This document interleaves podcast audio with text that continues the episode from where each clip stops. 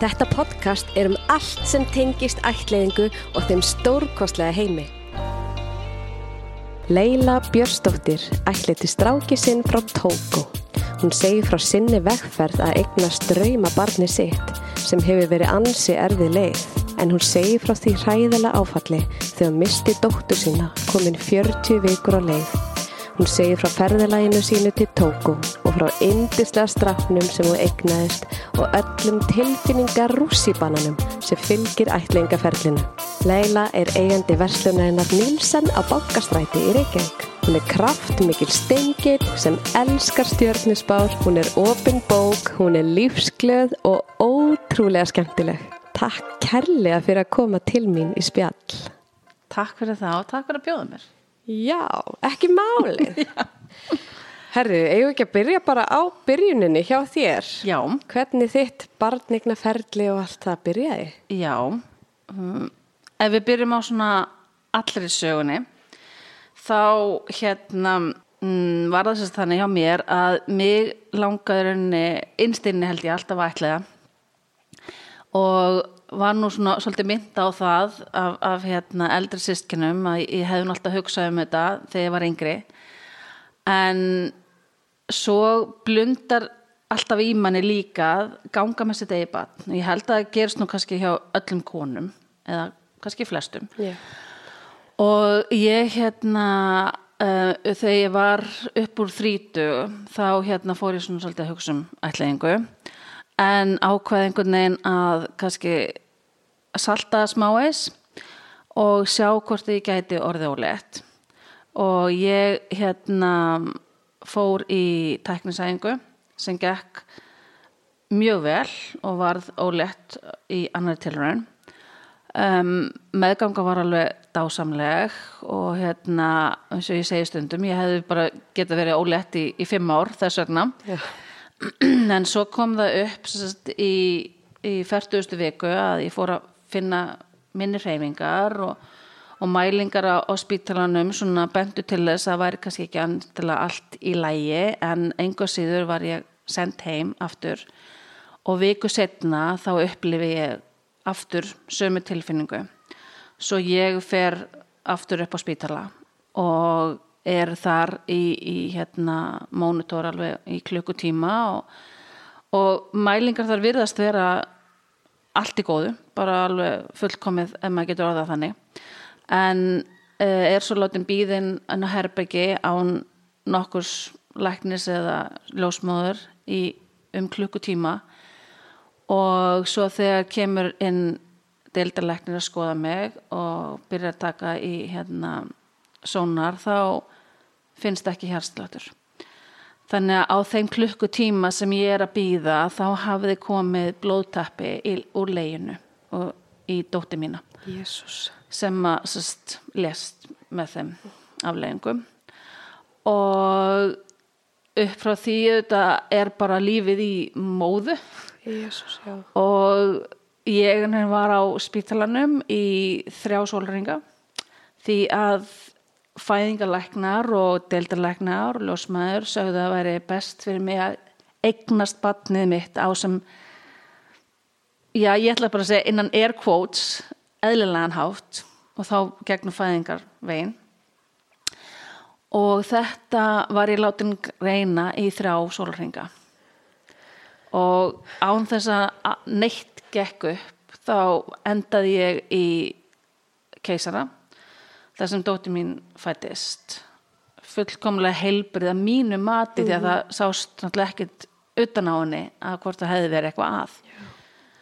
Og næstu svona auðvitað dagar, mánuður eru bara já, þú ert svolítið í þóku þú ert að ganga gegnum alls konar sorgaferli og, og upp og niður alls konar sveplur um, þú ert að hugsa veist, hvað gerðist, akkur gerðist þetta? Var þetta eitthvað sem ég gerði? Þú um, ferði á sem bara gegnum allt. Allt, allt mögulegt í heiminum. Vá.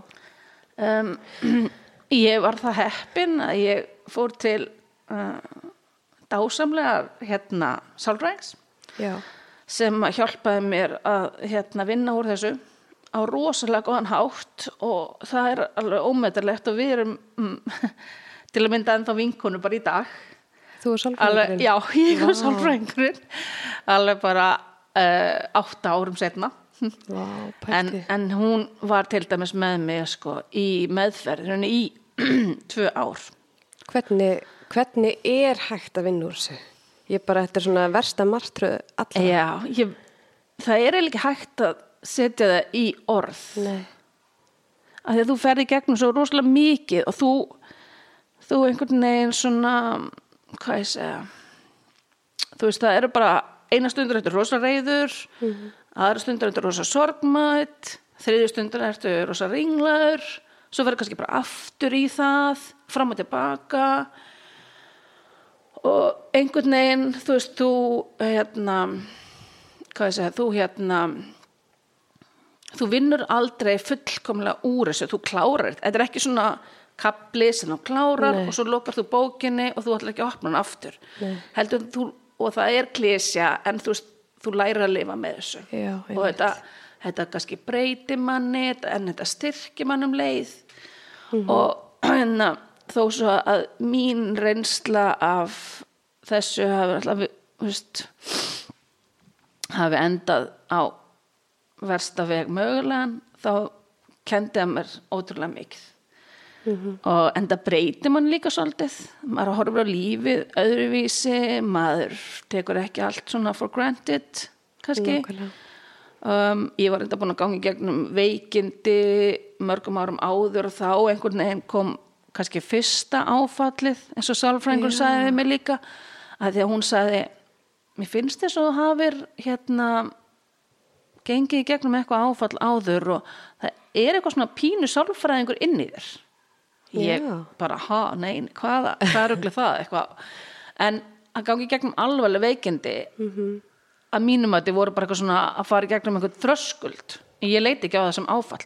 Þannig ég held að það hafi og hvernig ég fór í gegnum það það hjálpaði mér held ég svolítið að fara í gegnum þennan vissi. Já. Veist, það er svona, er, eru viss element sem eru söm þegar þú horfir upp á það að vera það veikur að þú er bara að veist, sérfræðingur segi við heyrðu, þú er bara að fara, það er gröfin eða skurðaðgerð. Þannig að þegar það kemur svoleiðis við þá er alltaf bara, ó ok, ég var svo alvarlega veik. Vá. þannig að þá, veist, lærir maður að vinna úr því og það hjálpar þér yfirlt í næsta. Í næsta áfalli. já, ég held að flestir tengi svolítið við það sko en svo, já svo ég heldur nú áfram líka eins og með hérna, dóttir mína, hana Ísold sem Já. fætti svo uh, 29. júli 2014 að hérna á brúðkaupstegi af mennum og ömmu sem ég hef held mikið upp á Já. og trúi því í dag að þau eru með hana hjá sér og hún er þar heilbrið og, og hamingsum og, og líti á niður okkur og passi okkur hinn. Og hérna upp, en upp frá þessu þá einhvern veginn var alltaf einhvern svona rödd sem kvíslaði að mér bara þú veist, gerð þetta aftur farðu aftur, þú, þú hefur alveg styrkinn til þess að fara aftur. Og einhvern veginn líka að, já, þú veist Ísold þarf að fá sískinni eða sískinni þarf að vita af Ísold. Svo ég var eiginlega búin ákveða bara að fara aftur í teknisæðingu og, en þar sem þetta var keisari þá þurfti ég að býða í ákveðin tíma og það var einhverju þrjum mánir eitthvað svoleiðis. þannig að ég hérna á þeim tíma það er bara svona undirbúið mig fyrir þetta það þarf alltaf, þú veist þú gerðir ekkit í heilan mánuð eða tvo, gjörsamlega, þá varst þú bara í þínu búblu bara flutti inn til fólræminn aftur var þar bara í kúlu Leifa þeim að hugsa um þig. já, Já. Og hérna svo fæ ég úr hérna krupningunni hjá Ísold. Og þá kemur í ljós að sagt, þessi blóðteppi sem kom í leið að undanfarið hafði verið nokkri litli sem hafði komið undan. Og það er ekki vitað hversu langt svo sem fram í meðgönguna en það var álitið að væri kannski einhverjar, einhverjar vikur.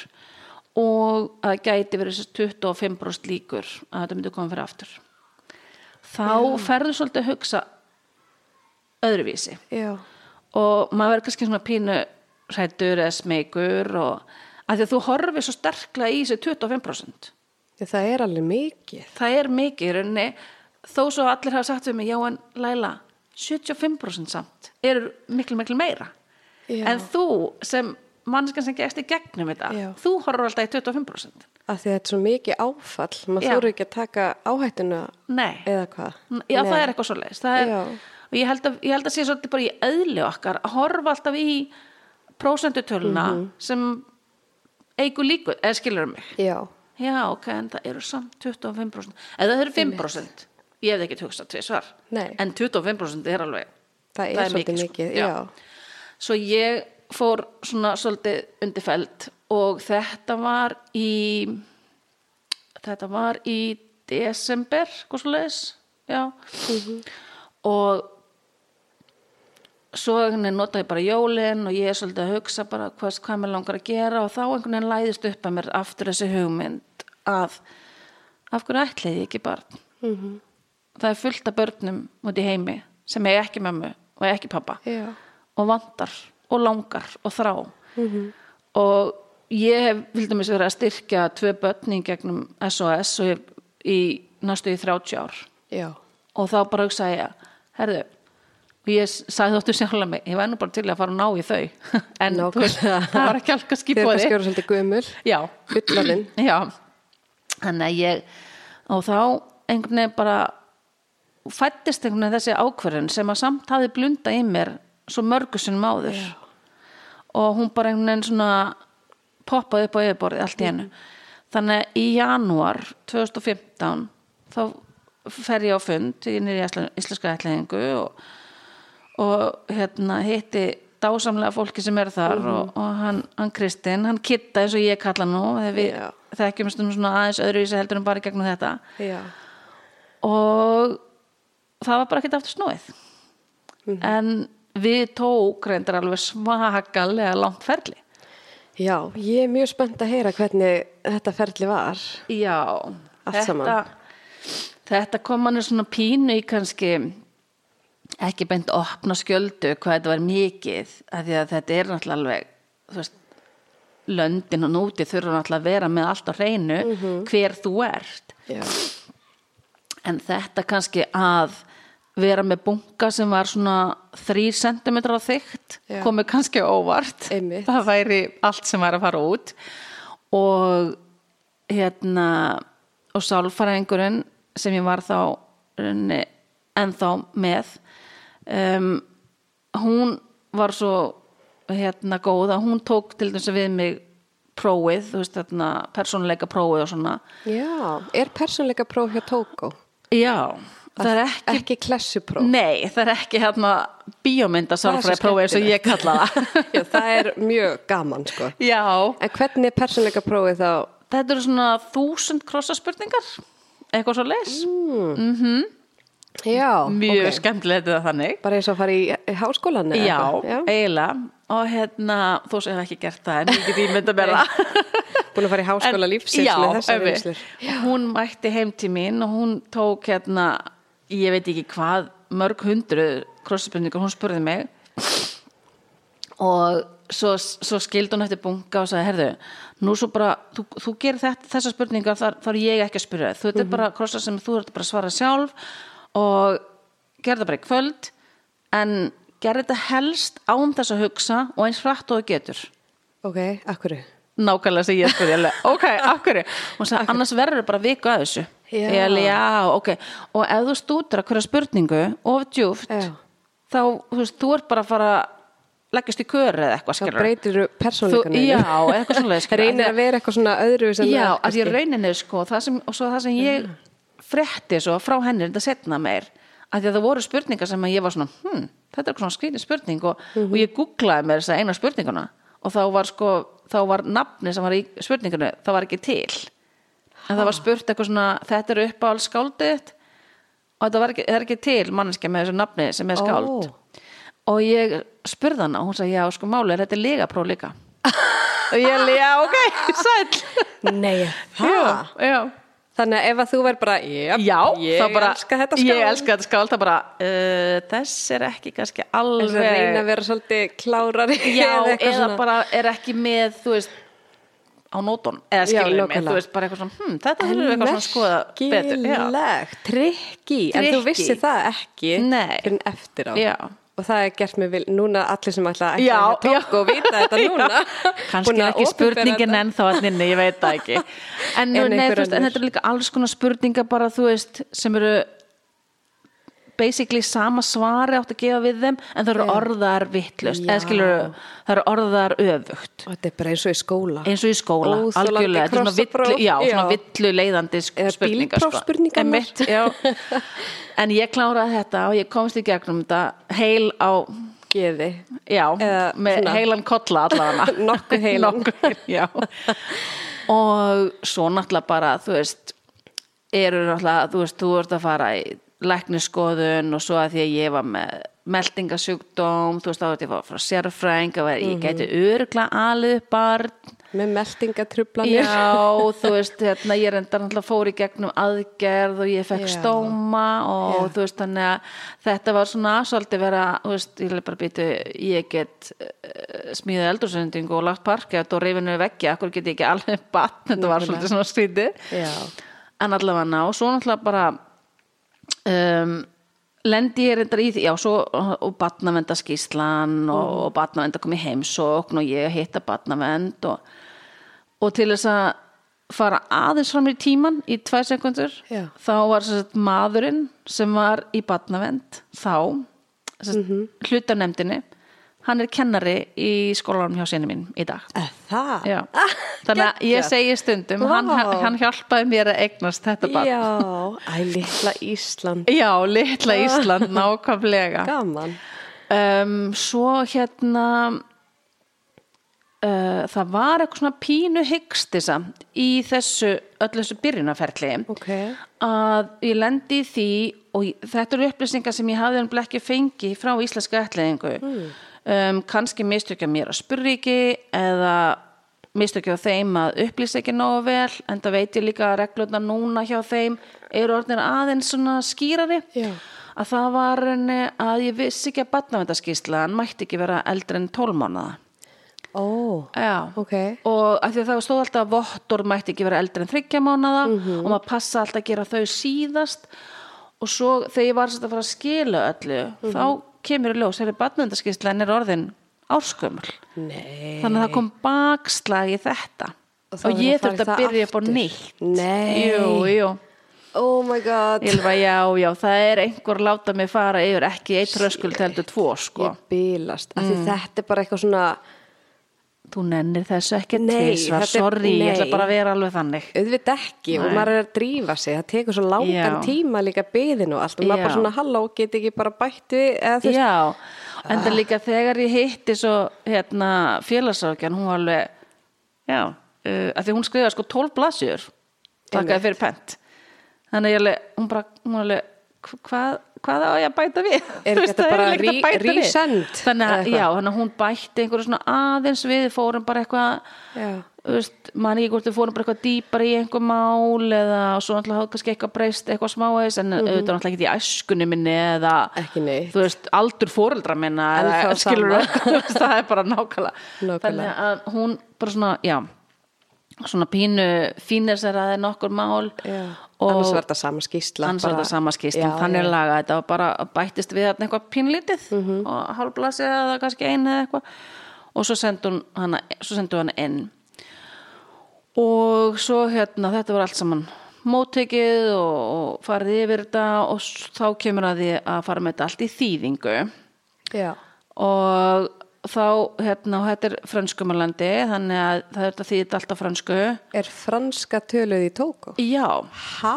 Já, sko, Tóko er henni frönsk nýlenda. Hún var í byrjun reyndar þýsk nýlenda. En Ó. þjóður að gá hana svo frá sér í einhverju stríði eða eitthvað ruglægi. Já. Það er alltaf svo brenglað þarna sko. Einmitt.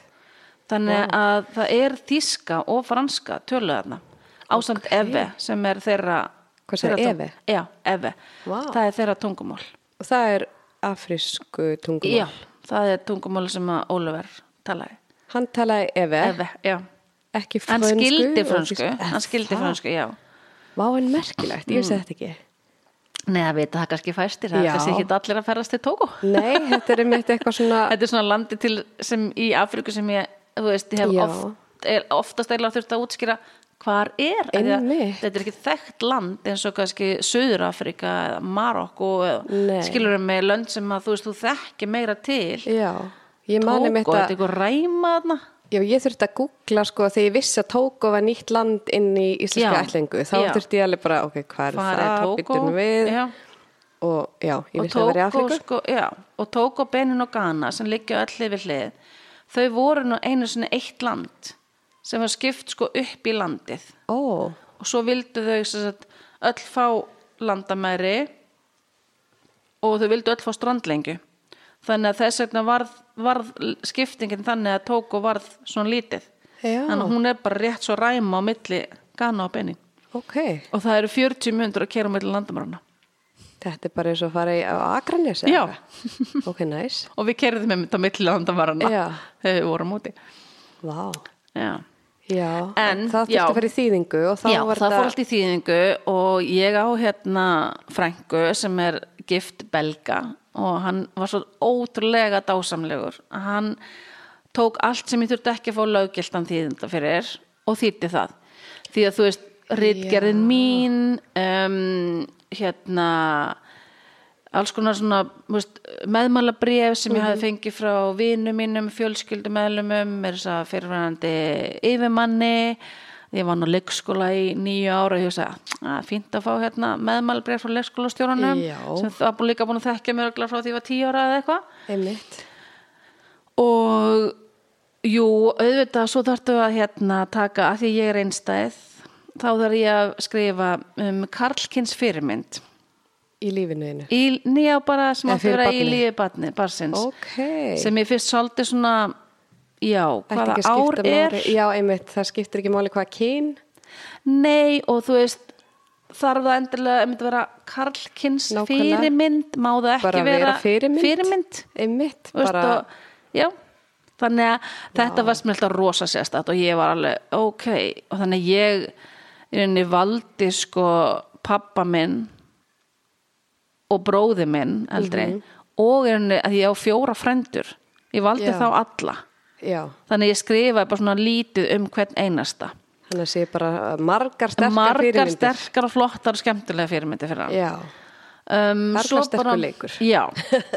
Svo þarna er komið í rauninni árið 2000 og held ég 16 eða 17 sko. Þegar þú ert enn að sækja um. Já, Ha? já. Býtu það var ótrúlega langt ferli umsóknarferlið tók þá ég man ég man sko að umsóknin úti var Mhm. móttekin 16. oktober 2017 og ég man það að því að 15. oktober er dagur barsmissir á Íslandi Já, og ég var, fór í kirkjunum með vinkonum minni Mhm.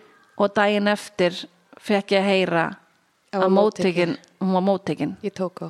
Og þá hérna mótekin og samþygt en það var ekki komið samþygt bara móttekin. Já, bara mótekin Já. og það tók hvað tvö ár næstu já.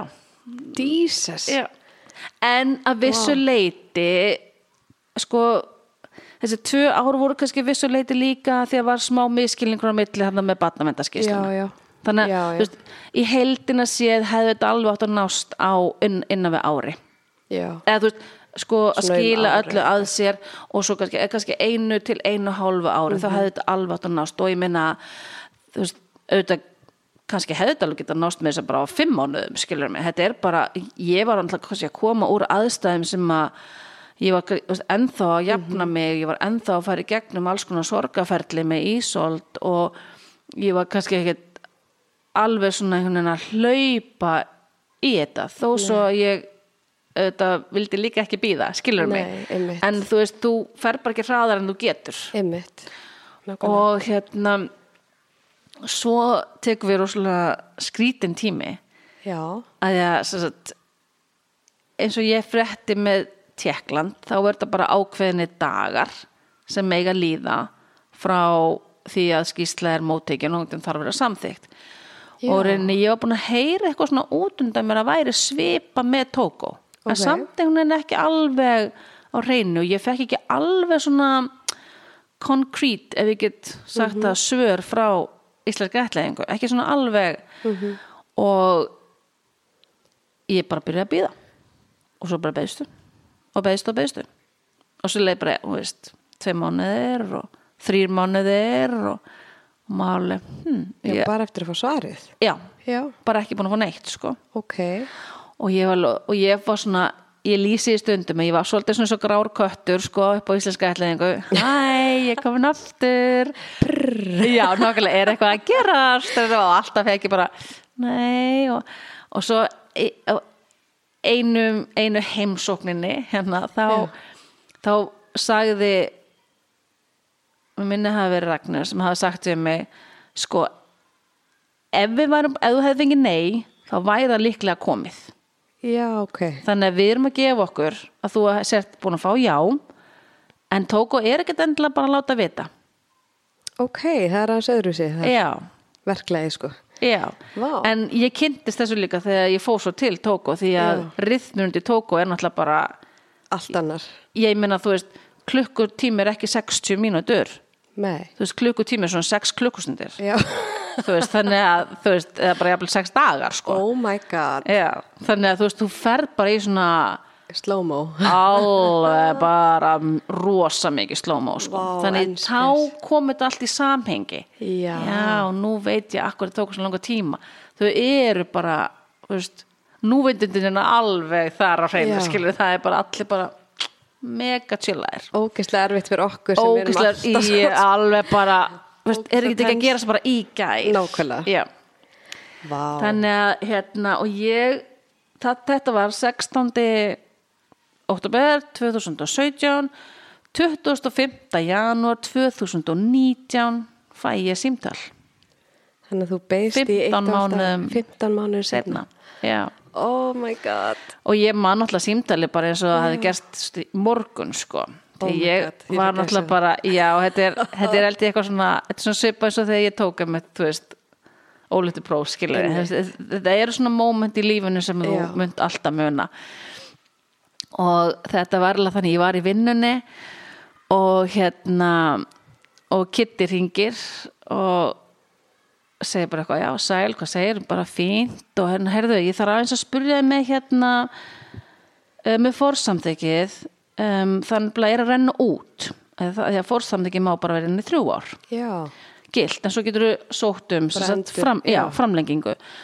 Og sko það er að, renna út hérna fórsamþekki þannig að þú veist ég er bara að spyrja núna ert, ertu ákveðin í að halda áfram? Og ég alveg, já auðvitað, já, já, ok þetta er nefnilega símtalið. Og ég alveg, já, já, emmitt, já. Nei, lala, þetta er sko þetta er símtalið, mhm, já. Ha, hvað sagður Hvað er símtal? Laila, þetta er símtalið. Og ég fór alltaf bara þarna áttaði mig bara, já og ha? Og þú veist, ég fór bara að gráta og ég fór að hlæja og svo bara gráta og hlæja og gráta og hlæja bara, þú veist, og stelpan sem að vann hjá mér, hún bara horfði framann í mig bara, hún stóð svona mittir burtu bara, Hvað er að er, er veist, það er bara komið tár og svo bara hló ég og þú veist og hann bara, það er lítill strákur sem vantar mömmu. Æ. og langar að, þú verði mamma sín. Æ. þannig að hérna viltu koma til okkar og, og, og hitta okkur? Og ég alveg bara Uh, já. ég er á leiðinni En hvað prakkara stælar voru þetta í byrjun? já þetta er veist, þarna er kannski, ég veit ekki þú veist, eins og segi við Þið kannski með svona öðru þessu sögu Já. og þá eftir að meira komi ljós Oh með Kitta líka því að þú veist, það er þú veist, hann á pínu í stráknum mínum sko, svona ef ég á að segja Oh God, alveg eins og er sko, að, hérna, þetta er, það er fóða skemmtilegt, þetta er, er ekki allir sem að, kannski fá að upplifa þetta svona Já. en hérna, já, þetta var þetta var alveg, já, símtal bara lífsmins Lífsins, svo fer upp á og skrifstofuna. ég man ekki svona og- hvernig ég kerði sko upp á skrifstofu skilur ég Jesus. bara, þú veist, í einhverju þóku sko svo ég fer inn og, og þá fær maður skýslu en enga mynd strax Nei. því hann segi við viljum bara að þú sittist hérna inn og þú lest bara skýsluna þína og um hann og þú veist, lætur þetta aðeins svona ná þér niður og angast í hörðina og, og hérna svo hérna er lítil mynd hérna sem að þú verður svo að sjá okkur, bara ok. Og ég man ennþá þegar ég opna skýsluna og ég les og ég hugsa æ hann er fættu 31. desember. Ó, greið af því ég álega ammali 4. janúar það er bara umurlegt að eiga ammali kortir í jól eða kortir Já, eftir jól bara á gamlárskvöld. og á gamlaskvöld ég bara, og ég trúi ekki enda í dag að þetta hafi verið sem ég hugsa ég bara, halló eitthvað panik En bara eitthvað svona, ægi, ammál, ammál, greið þú, elskan mín, alveg hérna, þarna strax var ég bara, þú veist, þú ert minn, þú ert orðin minn, gamla þú ert litla geitin mín, ég er steingeit. og hann líka. Sko, málið er samt, nei, það, ég kem að þessu setna kannski, Ok. þú veist, ma, það, það er ekki að vita hvernig hann fættur, ó, já, sko, hans saga er svolítið komplex, já. Og ég mun örgulega koma að því setna líka. Ok. en sagt allavega þarna held ég áfram. áfram að lesa skýsluna og hún er átakaleg en falleg líka. Og þegar ég er búin að því þá hérna, þú veist, ég svona lesan alveg yfir, þú veist, held ég tvisasunum örgla eða eitthvað álega og það er bara meðtaka þetta allt saman og, og svo manni hvort það var banka á hurðinu eða hvort að ég fer fram og fyrsta sem ég segi við þau bara, hvenær má ég fara að ná í hann? Já, á hans að hafa sér myndin Að, já, já, já, Já, það já, skiptir já. ekki máli Nei. hvernig barnið lítur út. Nei, ég veit það. Og hérna og svo, svo fæ ég mynd og það er svona pingu lítil passamynd. Bara, þú veist, minnsta mynd í heimi skilur en með af, þú veist sætasta brosi sem ég hef séð og gleðin er alveg Mhm. gríðarleg skilur mig. Og ég, þarna varstu bara ástfangin algjörlega. Æ, þetta er svo og fallegt. já, þetta er nefnilega, hún er, þetta er ótrúlega fallega saga sko. Já, en uh, sagt, hans saga er þannig að og ég veit ekki alveg sko hvort ég ákast að segja alveg frá því að því að hann hann mun ekki þú veist, hann veit í dag veit hann ekki uh, sem sagt hann veit sannleikan en ekki allan sannleikan mm. því hann er of erfiður. Já, þannig að það er spurning hvort að ég fari kannski ekki ofdjúft í en hans saga sams er þannig í svona stórum dráttum er að hann er með mömmu sinni þannig að hann er sirka bát eins og hálsás. Já. Og þá er hann þá gefur hún hann frá sér. Af ástæðum sem því miður engin veit. Ok, og uh, það sem fylgd honum inn í næsta næsta áfanga hans lífi var ekkert þannig að það er ekki vitað hvaða nafn mamma skaf honum hvaða dag hann er fættur þannig að Brís tók hún nafnið hans er nafn sem að stopnun eða barnaheimili gefur honum og 31. desember er dagur sem að yfirvöld í Tókó gefa honum vá Já. Þannig að ég, þetta er að erfiðasta eiginlega fyrir mig Já. að vita ekki hven hann er fættur. Mhm. Ég er til dæmis rosa mikið ég líka. Og ég bara pæli rosa mikið í karakterum. Og ég pæli rosa mikið í, þú veist, ég til dæmis er alveg gríðarlega geit, sko. Mhm. og ég er stundum að reyna að sjá hvað hann er. Ég næði ekki. Nei, og mér finnst það stundum finnst mér það óþægilegt. Já, en þú veist svo hugsa ég kannski ekki að daga mikið út í það, ég er ekki að segja ég velti þessu Nei, upp, ég er ekki hérna sveflaus sko. En þetta er svona eitthvað En- sem að maður vill bara vita Já. líka um sjálfa sig. Já, bara hvernig algjörlega. fættist ég, já, það vita það allir. Já, flestir. Já, einmitt, flestir. Þannig að hérna en í dag þá sagt á hann tvo ammælista ok, hann á 31. löglega séð já, 31. desember já en afmælistagurinn hans dagurinn sem við hittumst já, það er 4. september og það er hans dagur já Það er okkar dagur. við höldum- ammælistag við höldum bara, Bara það er bara afmælistagur bara skólanum og skólinn veit af þessu Já, að amma, og það er upp á það er upp á vegg þar að hann er að, það- að það er hans dagur þannig að það er meira Fjórði hans september. dagur heldur Já. en 31. Já. Ok, nice. aldrei, ég hef aldrei og ég held ég hafi bara sagt honum þetta sko í fyrra Já, þú veist, og hann bara, ó, vá bást það geggjað í svona, í svona korter, þá getur hann bara glemt þessu einmitt þannig að, þú veist, og hann að- ef þú myndir spyrja hann í dag, hvernig áttu ammæli 4. september, Æi, váka þetta er svona fallegt af því þá fættist hann til þín já þá fekk ég hann í fangið Já, ó guð, þetta er svo falleg saga. Þannig að mér fannst það heila tákgrætnari dagur Já, já einmitt og svo er bara, skemmtilega vildi til að svo ég ammæli 4. janúar, þannig að við erum bæði 4. og Já, hann er meia og hún er ekkit óbáslega ólík stengitinni ok. En þú veist, samkvæmt þessu Já, en, já, veist, já. svo getur hann alveg bara verið hrútur sko. Ég hef ekki hugmynd og þú veist, já Vá, elsku litli kútur. En hann fór þá, þegar hann var eins og hálsárs fór hann þá ekki bara beint inn á eitthvað barnaheimili sko, jú, þá er og eins og Togo, þetta er þar. Já. þá fer hann inn á það sem þeir kalla svona miðstöð sem ég held, ég hef aldrei séð aldrei heyrt með þau mikið um og ég held að sé sérst barnaheimili að því að henni sko lögin í Togo eru svolítið sérstök.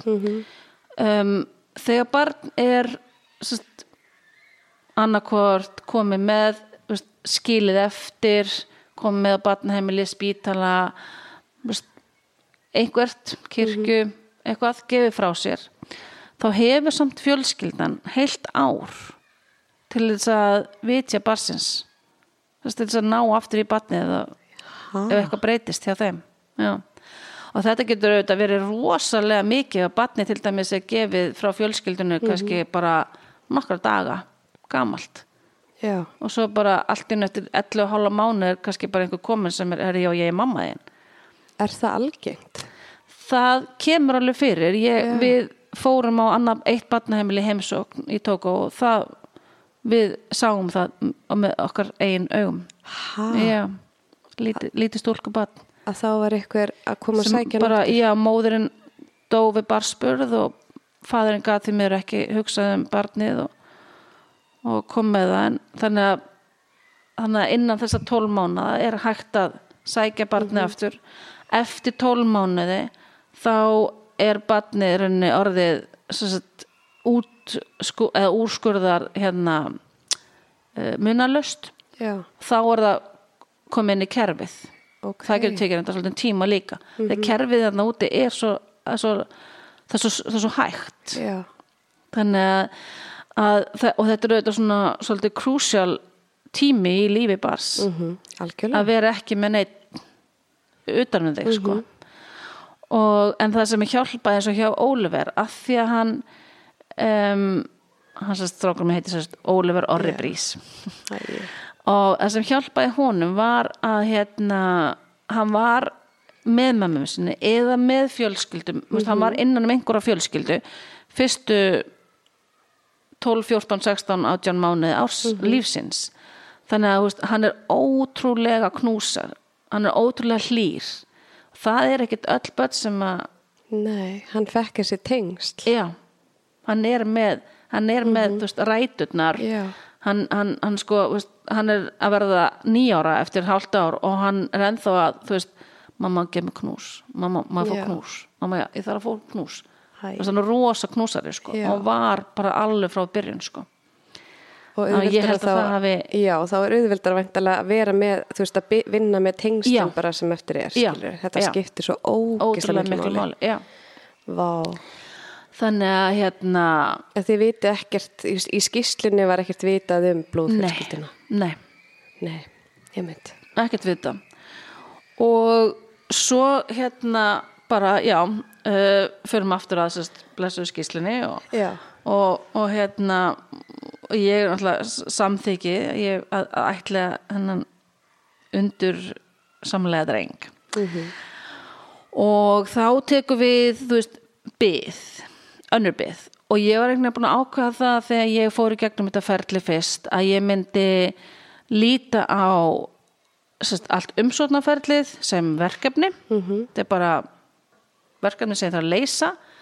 Og þegar ég væri búin að fá skýsluna þá myndi meðgangan hefjast. Já, það er pínu gott að líta á þetta svo leis Já. að því annars ertu bara rosa mikið að býða og það reynir rosa mikið á þólumæna ég sem betur verið mjög þólumóð en ég meina það er Já. samt svona takmörk fyrir hversu lengi þú vilt býða þannig að hérna og ég var búin að heyra sagt, já, þarna heyrði ég frá íslenska ætlaðingu að þetta þarf að fara í gegnum tvo dómstóla úti í Tókó. Og þetta gætt tekið allt frá held ég mann það var tveir mánuður upp í eða fjórir eitthvað slags og bara upp í veit ekki hvað. Mm. upp í eitthvað meira? Já, til þess að mega vita hvort þú út. fari nei, já. Oh my god, hvað það er erfitt. Það var, það var rosalega erfitt. Og það var eiginlega sko því að svo sem hafði farið undan mér hún fekk símtali á svipum tíma og ég loki janúar. Og hún fór út í mæ þannig að ég var einhvern veginn búin að hugsa ok, gæti verið þannig að ég sé að kannski, úst, gæti verið mögulegt að ég sé að fara kannski út í mæ þannig ég ákvað bara einhvern veginn að svona pína miða kannski við mæ já, einhver lokbyrjun, whatever. Og reyndi svona, veist, þarna fór maður bara að þú veist, búið til herbergi hann var alltaf orðin fjögur og háls rúmlega það. Ára gamall. Þannig að veist, þetta var ekki eins og að að fara út og kaupa blegjur þú veist, þú bara maður var að kaupa bara föt fyrir fjóra ára og skó og, og, og þú veist, svona, það var keiftur um og búið til, búið til herbyggi fyrir hann sérstaklega og, og svo bara þegar það var tilbúið þá bara jæja, ok, og sem betur gerði þetta allt svona bara í róli heitum, ég var ekki eitthvað kláraði þetta ekki á fyrstu 20 dögunum sko. Nei. Og svo fórstu bara í að býða og býða og býða og býða, og og það var og aldrei hægt að vita neitt bara, nei, svo kom bara mæ svo var bara mæ búin og svo kom bara júni og svo bara var júni búin og ég held að þetta hafi verið að erfiðara sko fyrir, það var rosalega náttúrulega fyrir mig, en það verið jafnvel sko erfiðara þegar, þú veist, ég, ég heyrði það svo frá, þú veist, vinum mínum að alveg, mm að, ég, veist, að að mér fannst stundur svona eitthvað minnst ekkert mikið verið að spyrja mig kannski endilega hvenær kemur? Og þá svo fréttið eftir að já, við vildum ekki kannski ekki alltaf vera að spyrja það því að þú veist, við heldum kannski að vera erfitt fyrir það því að þú veist, þú vissir ekki neitt. Já. Þannig að því ég var alltaf bara með sáðan særi nei, ég veit ekki, nei, bara er að býða alltaf bara að býða, mm skilur og svo bara kom júli svo bara kom ágúst. Oh my god. Og miðjan ágúst þá fekk ég símdal Þannig að beist í sjö mánuði næstu eða átta, Oh man ekki, já. my god. Já. Bara næstu heil og má þá, meðganga. og þá ferðu annað símtal. Já. bara, þú mátt fara að plana ferðalagi já, út já, nennið aðeins að drífa ykkur hann já nákvæmlega. Ég er bara óþolinmóð að þannig að ég ætla bara, þú veist bara undirbúa alla sem eru já, íhuga ætlingur og tókó. Þólin mæði úf, heldur betur þetta er alveg well worth it Já, já, já. já, já, já. en bara þólin mæði en mér er svo spes að þetta sé svona því að eins og í Tjekklandi þá það er allt svolítið rosa skipulagt já, og svona klift og skor já, já, það er rosalega næs fyrir okkur hérna já. á það Íslandi hendar okkur Íslendingum mjög vel Mjög. við viljum svolítið vita Það hafa svona að vita, skilur. já. tókó er bara ekki þannig nei, ég heldur að Afrika bara in general er ekki það þannig er ekki þannig Nei. Þau eru ekki með svona tímabelt eins og við þau eru bara ekki með tíma Nei, þau eru ekki með tíma. En ok, þú fær símtalið og þá Já. bara, já, herru, þú ok, taka tók og... já, og þá bara fer allt á 170 yfirsnúning Já, og ég á án efa bestu mákonu í heimi sem að kemur með mér út í þetta heljarnar ferðalag já, í heila þér allan tíma já, Yay. bara, hún er svolítið eins og stóri sýsti mín sko. Fannst þenni ekki gaman hann að koma með æðislegt sko. Bara æði. Þetta er sko forréttindi. Mm. Og þetta var svona eitt af því sem ég var svona pínu svona, kannski ekki nervus með en svona bara, ok, að því að þú veist, ég á foreldra sem að, þú veist, voru þarna skilur að nálgast þú veist, eða voru svona um 75 og ég bara, ok, þú veist, ég kannski ekki að býða þau endilega að koma með mér alveg út í heila mánu það er náttúrulega erfitt land að vera í rosa heitt að núti, ógislega mikill raki og eitthvað svona og þú getur ekki beint kannski beðið, þú veist, vinið, vinkonur um að koma út og bara hænin ekki bara taka frí í, Í þú veist, já þannig ég var svona fann að pæla ætti ég að þú veist, aðtökut einhver vildi koma í viku og svo kannski kem, kem einhver annar í viku eitthvað svona, Já. þegar bara mákonum minn segir, þú veist, ég er að fara að koma með þér út í mánuð, Já. við erum bara að fara í þetta ferðalega saman Ó, ég. og þá bara einhvern veginn, hjú Já. bara, þú veist, Að þetta er erfitt að fara einn. þú mátt bara ekkert fara eitt sko. Maður getur fara einn, getur, nei. ég hefði aldrei geta verið ein Nei. og, og þú veist, þú ræður ekkert við þetta ein tilfinningar þannig er svo rosalega sterkar sko. Og hérna þannig að já uh, við fórum bara, eins og ég segi 170 yfirsnúning Mhm. og bara út á faraskristofu og bara planað og hent líku bara öll honni faratösku og veist og vorum komin til Tóku tveim viku senna Já, ok. það var bara lóan og út Og drífa sig út. Og er þetta ekki langt flug og allt það? þetta er, jú, það, þú fer sko til eða, eins og við gerum það þá við flugum við til Parísar fyrst og svo ferðu með næturflugi, nei, nei, fyrir ekki kvöldflugi eða svona til Tóko þannig að þú ert að lenda þær Tóko svona 10-11 um kvöld eitthvað sluðis og það er líka pínu átak að komast þangað því að við hérna byrjum ferðalegi mjög vel hérna heima bara, þú veist, upp á flugvöll og bara og maður, þetta var svona skrítin tilfinning samt bara eitthvað svona, ég er að fara út að sækja barni mitt, bara eitthvað, vá, hvað þetta er eitthvað súrealist en samt, þú veist, svo raunverulegt skilur nákvæmlega. og ég var búin að, þú veist, senda út fekk að senda út bakpoka áður, svona mánuð áður með, þú veist, teppi með lyktinni minni og ég sendi eitthvað smá dót og bánsa, svona kaninu bánsa og, og, og album, myndalbum veist, myndalbum sem að eitt fyrir mig og eitt fyrir hann. Það er sem er mynd af mér og þú veist, amma og afa og þú veist, sískinu mínum og sískinu börnum mínum og jafnvel vinunum mínum sem veist, eiga krakka og svo leiðis og, og veist, stendur hvað hverju blæsju, svo hann sé búin að svona aðeins að fá að skoða þetta áður. Ok, jú, jú, svo bara leggjum við af stað og svo lendum við í París og við þurfum svo að fara bara í an, annað terminal og förum inn og þá kemur bara ljós, nei, heyrðu flugvælin er ykkar yfirbókuð og ég átti fund með, með, nei, hérna, með hérna, ætlingastofun nýja morgun eftir. Og ég var bara Ok. ha, fyrir ekki, bara endur takt þetta takk fyrir og hann bara já sko, æ, Ryan er gerir þetta bara ótrúlega oft. Ég leið, ó já, bara svona eins og þetta verið daglegt bröð sko. Já. hann leið, ok, uh, ég get bara beðið ykkur það sem er best að gera bara farið að geitinu, verið þar og lá- látið vita. Og þú veist, þetta verður svolítið bara komið ljós. Býtu, varst ekki búin að bóka? jú, jú, jú, jú, elskum mig Oh allt, já, já, já, bara búið að bóka með það og allt komið klárt. En svo bara þú kemur til Parísar og þá bara er allt í rugli sko. Jésús. Þannig Stressi. Já. Þarna tók við bara viðbóta stress er og þetta var eh, ég, ég, þetta var sko bara þetta var svona bara mesta stresskúla sem ég hef upplifað á sem styrstum tíma. Já. og við sátum hana við hérna bara veist, hérna landkangin basically og bara byðum eftir því að þú veist og við fórum þetta fyrst að tölum við veist, konan sem var hann í tjekkanu þar og, og ég útskýrði söguna mína og ég síndi henni alla pappirana hvað ég var að fara að gera þannig að hún virkilega var átt að sjá því bara, veist, það er nöðsynlegt að ég komist með þessari vél Já. takk fyrir pent Og- þeir skilningsrík? Já, Ok. hún var mjög skilningsrík, já, má alveg eiga það og ég, hugsi mér mér bara aldrei gleyminni Nei.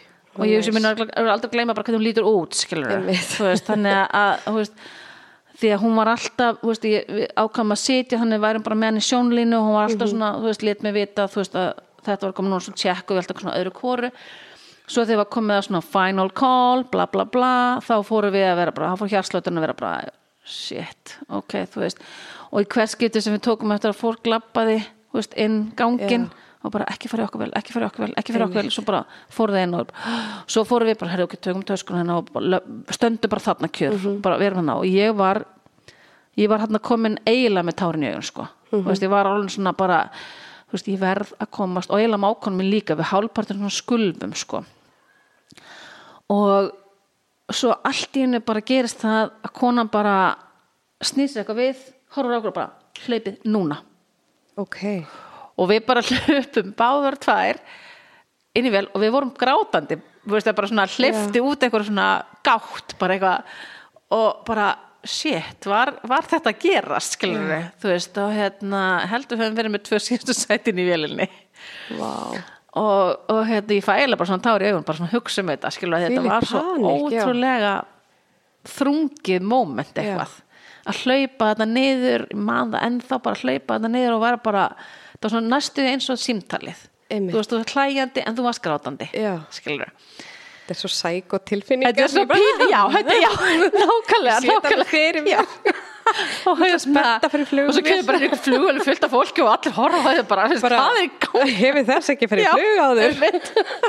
bara ok og svo tekum við hérna eitthvað sex tíma flug og allt eitthvað Mhm. með það og, og við hérna lendum í Tóko og þú ert lengi að fara í gegnum svona kerfi í Tóko á flugvellinum. Þannig að þarna aftur þú veist þólumæði bara. Einmitt. róleg taka blóðþristingin svona bara svona normal á þetta. Já, og svo já, fyrirgefi, það eiginlega aðeins að spóla. Um, Kitty já, var að fara til Tóko að þessum tíma? Já, að skoða barnaheimili ok, til þess að skoða fleiri held ég möguleika á já, meiri barnaheimilin til þess að gefa sem með að gefa börn til ætlaðinga já. Og það var líka pínur hlutin af því að við settum þetta alveg á 170 yfirsnúning. Af því að ég vild, veist, þá myndi ég ná honum úti. Já. þá, þú veist, enna svo hérna þannig að þú veist, hann ég held að þegar við komum þá átti hann eftir einn dag eða eitthvað svo les hann var að fara daginn eftir eða tveimdum setna svo ég, svo bara komum við þarna flugvellinni á og hérna og þess að bara eitthvað býðið til töskunum og eitthvað svona þá heyri ég bara frátt á mig Læla ég bara sný mig við og þá bara stendur Kitty þar Æi. og ég var alveg bara, ert að djóka Á Emil?" flugvellinum? bara á flugvellinu Æi. og með eh, lögfræðingunum sem vinnur veist, í gegnum íslenska ætliðingu og ætliðingastofna út í Tókó og Fabrice sem er bílstjóri minn því að þú, þú ert að ráða bílstjóra já, í vinnu, bara svona hafa allan tíman þú veist, það er ekki eins og allir bílar með bílbelti, þannig að enginn með bílstól en það er, þú veist, bara allan að kostur að þú far bíl með bílbelti. Ok, og Fabrice var maður sem var með okkur í heila mánu með dásamlegu sko og, og hérna gerði ómetanlega hluti fyrir mig. Og þannig að já, það var bara faðmlög og hérna gleði og svo hérna og við fórum saman bara í bílinn inn í borgina og, og þau hérna voru kerið, á sitt hótel og svo fórum við á okkar hótel og og svona maður, þú veist, rétt veginn að anda á hann maður lagði kottan, nei hérna höfuð og kottan og ég, ég held ég hafi náði að sofa. Já, ég er samt ekki alveg viss. Þú veist, ég var alveg hinskilin já og svo hérna bara vaknaði maður dæn eftir og ætliðingastofan var nú bara rétt hjá, veistu, var bara eitthvað veist, mann ekki, veist, tvær mjöndur eða eitthvað í bíli, eitthvað líka, þetta var bara eitthvað djók sko. hefðu næstu ekki að labba ánga en vildu það ekki, Já. eða þeir vildu ekki við gerum það.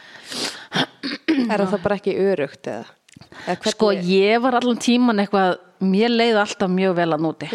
Ég, mér leið aldrei eins og ég væri eitthvað bara eitthvað að ráðast á mig eða eitthvað þú veist, það eru allir svo góðir að nóti, allir svo chillaðir og þú veist, en þau er hort á þau aðeins meira þú veist, þú ert ekki með dökkan hur, húr, húðlit og þú veist, þannig að það er margir sem bara hafa kannski aldrei séð já, mannsku með hvítan húðlit, Já, sko. Það er alveg til. Já. Og stærsti partur af þjóðinni hefur aldrei farið út fyrir Tókó eða Afríku sko, yfir höfuð. Þannig að þú veist, já, það eru svona kannski helstu viðbreiðin en mér leið alltaf mjög vel og ég sagði stundum við mákar minn, æ, förum þarna í þennan garði að þarna. Hún bara, nei, æ, ég hef nokkuð að gera að því, nokkuð að, ég bara, hvað er þetta? Ég er kannski svona meira bara eitthvað eh, þú veist, eitthvað careless, skilur hlæja í já, hættunar já, já, já, nákvæmlega. Svo hérna svo fór nei, já býtu, ó, ég þarf eiginlega aðeins að býtu, það er nefnilega nokkuð mómentana sem að um, kvöldið á, þegar við komum nei þetta var örgla morgunin var örgla morgunin, ég er að reyna aðeins að tíma setja þegar Kitty segi við mig Já. ég hitti son þinn í gær og hann, hann hitti son minn að undan mér þá, hann, þá voru þau öll í að Marjón var líka, Marjón er tengilegin vinnur hjá þeim, hún er Já. minn með búsend samt í, í Fraklandi og, og þá voru þau öll að á badnaheimilinu, Sinclair badnaheimilinu Sem hann var á. sem Oliver Brís var á Vá. og hann bara hann láfi hann sagði you're in for a handful. Hann bara, hann er sko grallari fyrir allan peningin hann er hressasti strákur sem ég hef, held ég séð sagði hann. Er hérna hann, hann var, já, hann var búin að hitta Vá. barnið mitt á undan mér. Fæst ekki bara Jú, veist, jú maður var og bara, alltaf, oh my ég held oh maður hafi bara verið með gæsa húð bara í mánuð, sko, Já. ég held maður hafi bara verið með fyrring í maganum og hjartaði buksunum og eða, þú veist það hafa bara alltaf á sikkunum staðnum, sko. Vá. tilfinningarnar eru, eru bara, veist, út um allt, sko. Og bara í algjörum rússipanna. Æ, hvernig mikið, hann er svo indislegur hann Kristinn, sko. Já. hvað gaman að hitta hann. Já, hann á úti Þannig og hann hafa hitt strákið þinn. Ó, mér finnst það algjörlega, sko. Þannig að hérna, svo tók bara við sérst fundur á ætliðingastofinni og og þau voru allir bara finally, finally you're here. Alveg hérna skilur Já, þú er yes. og já, emitt bara sama. Og hérna og svo þegar það var búið að skrifa undir blöð þar sem þú varst að fara í gegnum einhverja pappira og skrifa undir og þá keirum við á barnaheimilið og þetta er barnaheimilið sem er rekið af nunnum svona, ég held að sem ég minnið mig elsta nunnureglan í Tókó.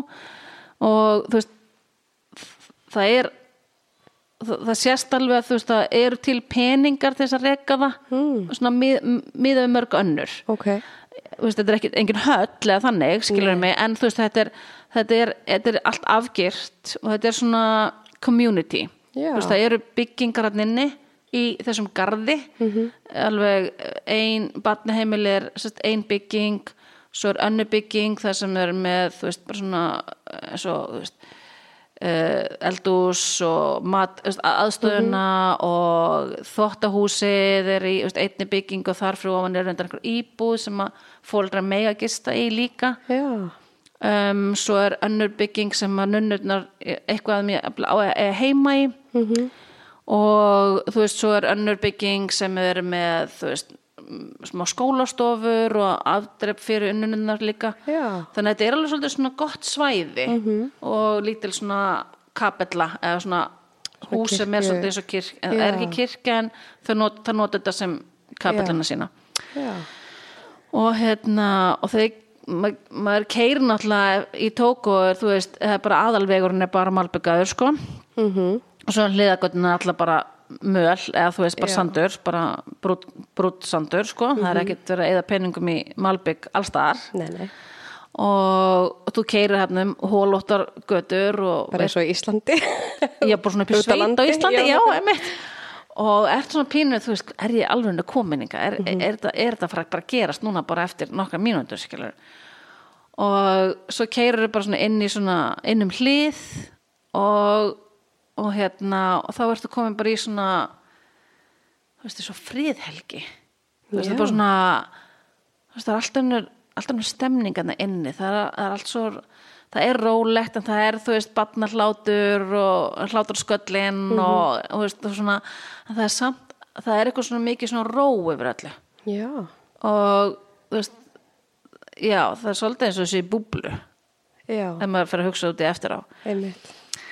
Og við löpum hérna inn og hittum yfir nunnuna, sérst hérna Ester og, og það er allt bara finally, finally you have arrived alveg. Og ég var kölluð mamma Brís allan tíman, Ó, bara finally mamma Brís you're here. Það er svolítið Og- cool viðnefni. Já, nákvæmlega. Og hérna svo sit ég hérna inni á skrifstöðu, það er bara eitthvað nokkra mjöðundur bara vera, þú veist, eitthvað já, fara yfir eitthvað, loka pappir eða eitthvað svona. Svo heyri ég bara svona eftir, eftir ganginum og hann kemur inn hlaupandi inn á skrifstofu. Í alveg. Í þessum líka glæsilegu jakkafötum og allt og stórum skóm. Alveg three piece suit alveg í vesti og við bindi og allt saman.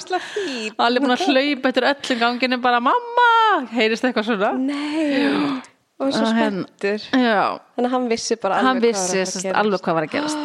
Og hann var sko þetta er sérst batnaheimili sem að þau taka þau vakna allar mjög snemma á mótnana Já.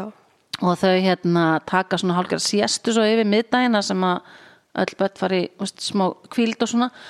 Og þegar hann var búinn að frétta að ég, hann vætti var að eignast mömmu, þá segir hann við nunnunar nú á ég mömmu, nú er ég hættur að kvíla mig. Þannig að hann var bara chilla með þeim. Í þess vegna voru þær bara finally you have arrived því að hann er náttúrulega handful skilur, Já. hann, hann er alveg Orkubolti. það var mjög oft sem að nunna voru bara brís, alveg, stop this eða eitthvað svona Já. skilur þá var hann að gera eitthvað þá kom svona, Vá. uh, kom svona afríska röddin svona í konunum, svona djúb og mikil og mikil rödd. og hann og, og Sýpe vinnunars, þeir voru svona hvað mestu grallararnir á svæðinu held ég, já, svona svolítið gaurar Vá. Og hvernig Þannig að- var þetta að hann hljóp í þessum krútlegu jakkafötum? Já, þetta voru svona á satín jakkaföld með einhver svona, þú veist, voru svona kremlituð og hvort hann var í, þú veist, ég man ekki sem hvernig skýrta var litin eða eitthvað í allt og stórum skóm. Þetta var ókslega að finna að Ótrúlega þetta, mikill kallmaður allt í Já, rosalega, og þú veist, stelpunar eru, þú veist, þegar stelpa er ætlega, þú veist, þá er hún sett í einhvern svaka ballerinu prinsessu kjól, sko, þetta er alveg En hann hljóp hann í fangið? Nei, ekki strax. Hann hleypur inn og svona horfir á mig og svona aðeins sest svona bara smá hjá mér svona eitthvað, er svona stendur eitthvað svona aðeins. Og svo er ég með svona rúsinu pakka þegar var svona sagt við það og gott að vera með eitthvað smá í töskunni. -hmm. og þegar ég tek upp hann þá alveg kemur hann og, og svo bara fer hann ekkert frá mér sko. Þannig að hann er hérna þá erum við alveg húgt held ég bara bæðið tvö Vá. Varst ekki gaman, þú veist, þetta moment er svo steikt, maður verður svo Já. ástfangin, sko. Já. Horfður ekki bara á hann bara, Ég bara oh Já. ég bara horfði Bara þú veist, Er þetta bara, alvöru? Er þetta er gerast, er þetta á ég þig bara, Bara er hversu Já, er maður? bara, þú veist, dásamleg dásamlegsta stund ever. Þannig að hérna bara. Það er svona eins og tími standi líka í stað. já, Það svolítið bara þannig stoppar allt og bókstarlega bara- gera það það ég tók á því að Já, svo nákvæmlega, líða. svo lengi að klukkan er bara alltaf Já. eitthvað, Já. 12 að hátið. Vá, og hvernig var, hérna var eitthvað svona aðlögun eða hvernig Já. er það þann úti? Já, sko, þarna úti er um, þau gera hann ráð fyrir að þú sért alveg mánuð úti uh, og það er að því að sérst, unni fyrsta vikan er planið svona er þannig að þú komir snemma morgana og sért með honum veist, yfir daginn, þá getur kemur hann að síðastunni og, og svo kemur aftur, þú veist setni partinn og ert með þá að fara að sofa. Og svo ferð þú heim og þetta var alveg að vera vel svona í viku. Ok. næsta vika þá byrju ég þarf aðeins að hugsa, vá um, Maður er fljótur að gleyma. já, þetta var bara samt svo ótrúlega skýrt bara, þú veist, fyrir þessum fjórum árum sko. Um, eða þreymur, já, uh, byrju við. Annur vikan er þannig að þú máttir já, þú máttir þá komstu og þú máttir takan en bara yfir daginn. Já, já. þú veist, vera með honum yfir daginn hann mátti vera hjá þér veist, á hótelinu þá að því að maður reyndi að hafa svona fastan punkt bara að vera ekki að fara hey, nú ætlum við að bara kíkja í inn að safari eða eitthvað, þú veist ekki eitthvað þannig sko, Nei, bara fastu punktur alltaf hafa svona þess rútínuna. Mhm. og svo þurftur það samt að skila. Já, kvöldin. á kvöldin. Er og svo þriðja vikan þá er hann að koma, má hann koma til þín. Mhm. Uh, mitt bad tók þetta þryggja vegna ferli á fimmtugum Já. hann kom til mín á fimmtudegi. Er það? Já. Og það er alveg tekið tillit til þess að, en nunna Þú sagði bara, herðu, þú veist, hann er bara svo tilbúin ok, hvernig það gerðum var náttúrulega bara þú veist, það er sko hann, hann var alltaf orðin svo Þú veist, hann var alltaf orðin rúmlega fjögur ára. -hmm. og spúin að sjá ótal börn koma og fara. Já, og þau vita held ég innst inni hvað, er, þetta hvað er að gerast. Um, það eru reyndar eldri börn sem koma þarna líka og eru yfir daginn börn sem hafa aldrei kannski verið ætlet og fá að vera þarna. Þú veist, uh, eiga heima þarna og jafnvel svo þegar hún eldri vinna þarna. Það er líka börn sem fá að koma þarna sem eiga fjölskyldu en fá að vera þarna yfir daginn og fá að vera læra jafnvel eða Já. eitthvað svo leið sko. Já. en, og hann hefði raunni hann hefði kannski enda þannig. Að því að sérst, eins og lögfræðingurinn sagði við mig veist, ef að þú hefðir þrengt aldur aldurs viðmiðið hjá þér eins og flestir vilja tryggja til fjögra en ég þú veist, ekki eldur en fimm þá hefði hann líklegast ekki verið ætlitur það eru fæsti sem vilja elstu börnin. Já. og hann var elstur hann var elstur á barnaheimilinu er það? Já. næsti fyrir neðan var um þryggjára já, það var besti vinnar hans já, ok Vá. þannig að já, þannig að hann var svona Mhm. þú veist, vil ekki segja síðasta snúning en þú veist, það var svona svolítið samt svona last chance sko, wow. já ég bara get ekki hugsa til þessi dag að, ég eigi hann ekki sko nei, hann er ótrúlega komplex en, en frábær einstaklingur sko. Þannig, að, þannig að þetta voru svona já þannig að við vorum eiginlega þú veist degi númer held ég kannski þá 1 og 2 þá voru svolítið bara svona á svæðinu. Uh, degi 3 og 4 sagði bara herrið þú veist megi alveg prófa að fara. Bara veist þá fóru kannski bara í 2 tíma eða eitthvað bara Já. kannski veist, aðeins bara á hóteli jafnvel, minna hann veist, barnið hafði aldrei setið í bíl. Nei, barnið hafði aldrei séð sjó. Aldrei séð sundlög aldrei farið í liftu þú veist, allt þetta fyrir fjórar er gríðarlega mikið að taka inn sko. Og hann hefur bara verið á þessu svæði eftir að koma á barnaheimili hann verið ekkert farið út fyrir þetta svæði. Nei. hliðið samt er aldrei lokað þannig með nóttinni en þau fara aldrei út. Nei, þau eru bara, þú veist, þau vita hverju reglunar eru og ekki búð og ekki, Nei. þú veist, í strætó eða, strætó, ég held að sé ekki eins og til strætó annars, nei, mitt það er bara til mótuhjól. Já, og Það ekki að bara- mótu hjól Nei. og hérna, já þetta er einnig svo mikilvægt að bara svona hamra á, Já. bara að gera eitthvað greim fyrir að hann Já. ekki sé neitt af þessu. Nefnir hann eða upplifa neitt Já, af þessu við fyrsta daginn sem við fórum á ströndina veist, hann bara rík hjælt í mig svo bara já, hann bara, en samt var hann svo spendur já veist, sjá það bara, eitthvað nýtt. hann bara veist, hann var bara aktof, hann bara þú veist, sagði ekki neitt og veist, hann horfði bara, því hann bara, þú veist, maður fann það bara, vá, hann er bara meðtaka allt þetta Mhm. þú veist eitthvað sem við tökum bara pínu svona for granted, sko. Já, þannig að, einmitt, sitt í bíl þú veist um, og einmitt, lifta bara fara inn í eitthvað, ít og takka og lifta svo allt hennu var hrættur eða spenntur hann var svona ég, það var mixt já, hann held að leiti mig alveg sko. Held alveg fast í hendina allan tíman alltaf sko. Og við vorum með sundlu, stóra sundlu á hótelinu. Við ákvæmum að vera nefnilega á svona fórum kannski svolítið aðra leið heldur en sumir. Við fórum á svona pínu vestrænt hótel að mm við, við vorum í svona íbúðarhóteli. Já, þannig að við vorum með eldús vorum með þvottavél. Það er nú næs. Já, þú veist, ég veit alveg að margir voru að senda, þú veist, þvottin, þú veist, kannski heim með bílstjóranum og eitthvað svona, mér fannst það kannski Já. bara aðeins og svona, að ég með langa ekki, það er mér finnst nóg að hann sé bara vinna hjá mér alveg, þú veist, kannski í átta tíma á dag frá fjölskyldinu sinni eða níu eða tíu. Já, veist það fyrir að fara að þvó Það fyrir að þvó okkur líka, sko, Það er það. Er það bara eitthvað sem að fólk gerir Er það, það var er alveg einhver sem gerði það og ég margir bílstjórnir voru bara að bjóðast til þess og það bara, veist, það er allir bara ókslega hjálpsamar hana. Já, Það gera bara allir allt fyrir þetta sem er dásamlegt, sko. En okkur varst bara einhvern veginn þægilegt bara, veist, og geta líka verið með smá eldús þannig að, þú veist, ef okkur langaði einhver tíman að fara út á markaðin og kaupa ávesti og vera með heima eða, eða Mhm. þú veist, kaupa eitthvað smá í mat ef okkur langaði einhver tíman að, já, bara svona að hafa smá heimil smá, smá heimil, þú ert náttúrulega í 30 Mánuð, daga sko já. já.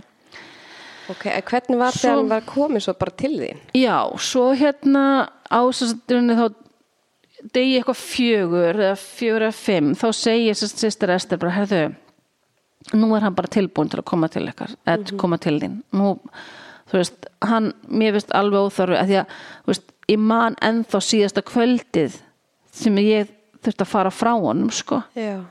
Það var hryllilegt, sko Var hann alltaf brjálaður og leiður? Nei, reyni ekki en, en sko það var svolítið sérstætt hvernig það er gerðið þetta nunna sko, þetta er barnaheimili sem er á tveimur hæðum og þau sofa öll saman í herbyggi öll börnin, nema ungbörnin sko ungbörnin er í annar öðrum endahúsin og þau eru í hinum endanum Er þetta mörg börn? þetta voru 16 börn Ok. minni mig, talsins. Og svo ungbörn, ég ætla að hafa ekki verið svona 10 10-12 ungbörn. Já. og þau sofa öll saman og það eru svona nethurðir fyrir öllum öllum herbyggjum í öllu, öllu húsinu. Þú veist það er líka alveg, veist, lítið eldur niður í herbygginu og skrifstofan hjá, hjá na, tvær skrifstofur eitthvað hjá þrjár hjá nunnunum og baðherbyggi og matsalur og leikherbyggi og svona. En, og svo er líka þú veist vennileg hörð, bara eins og þú veist, um lokar alveg.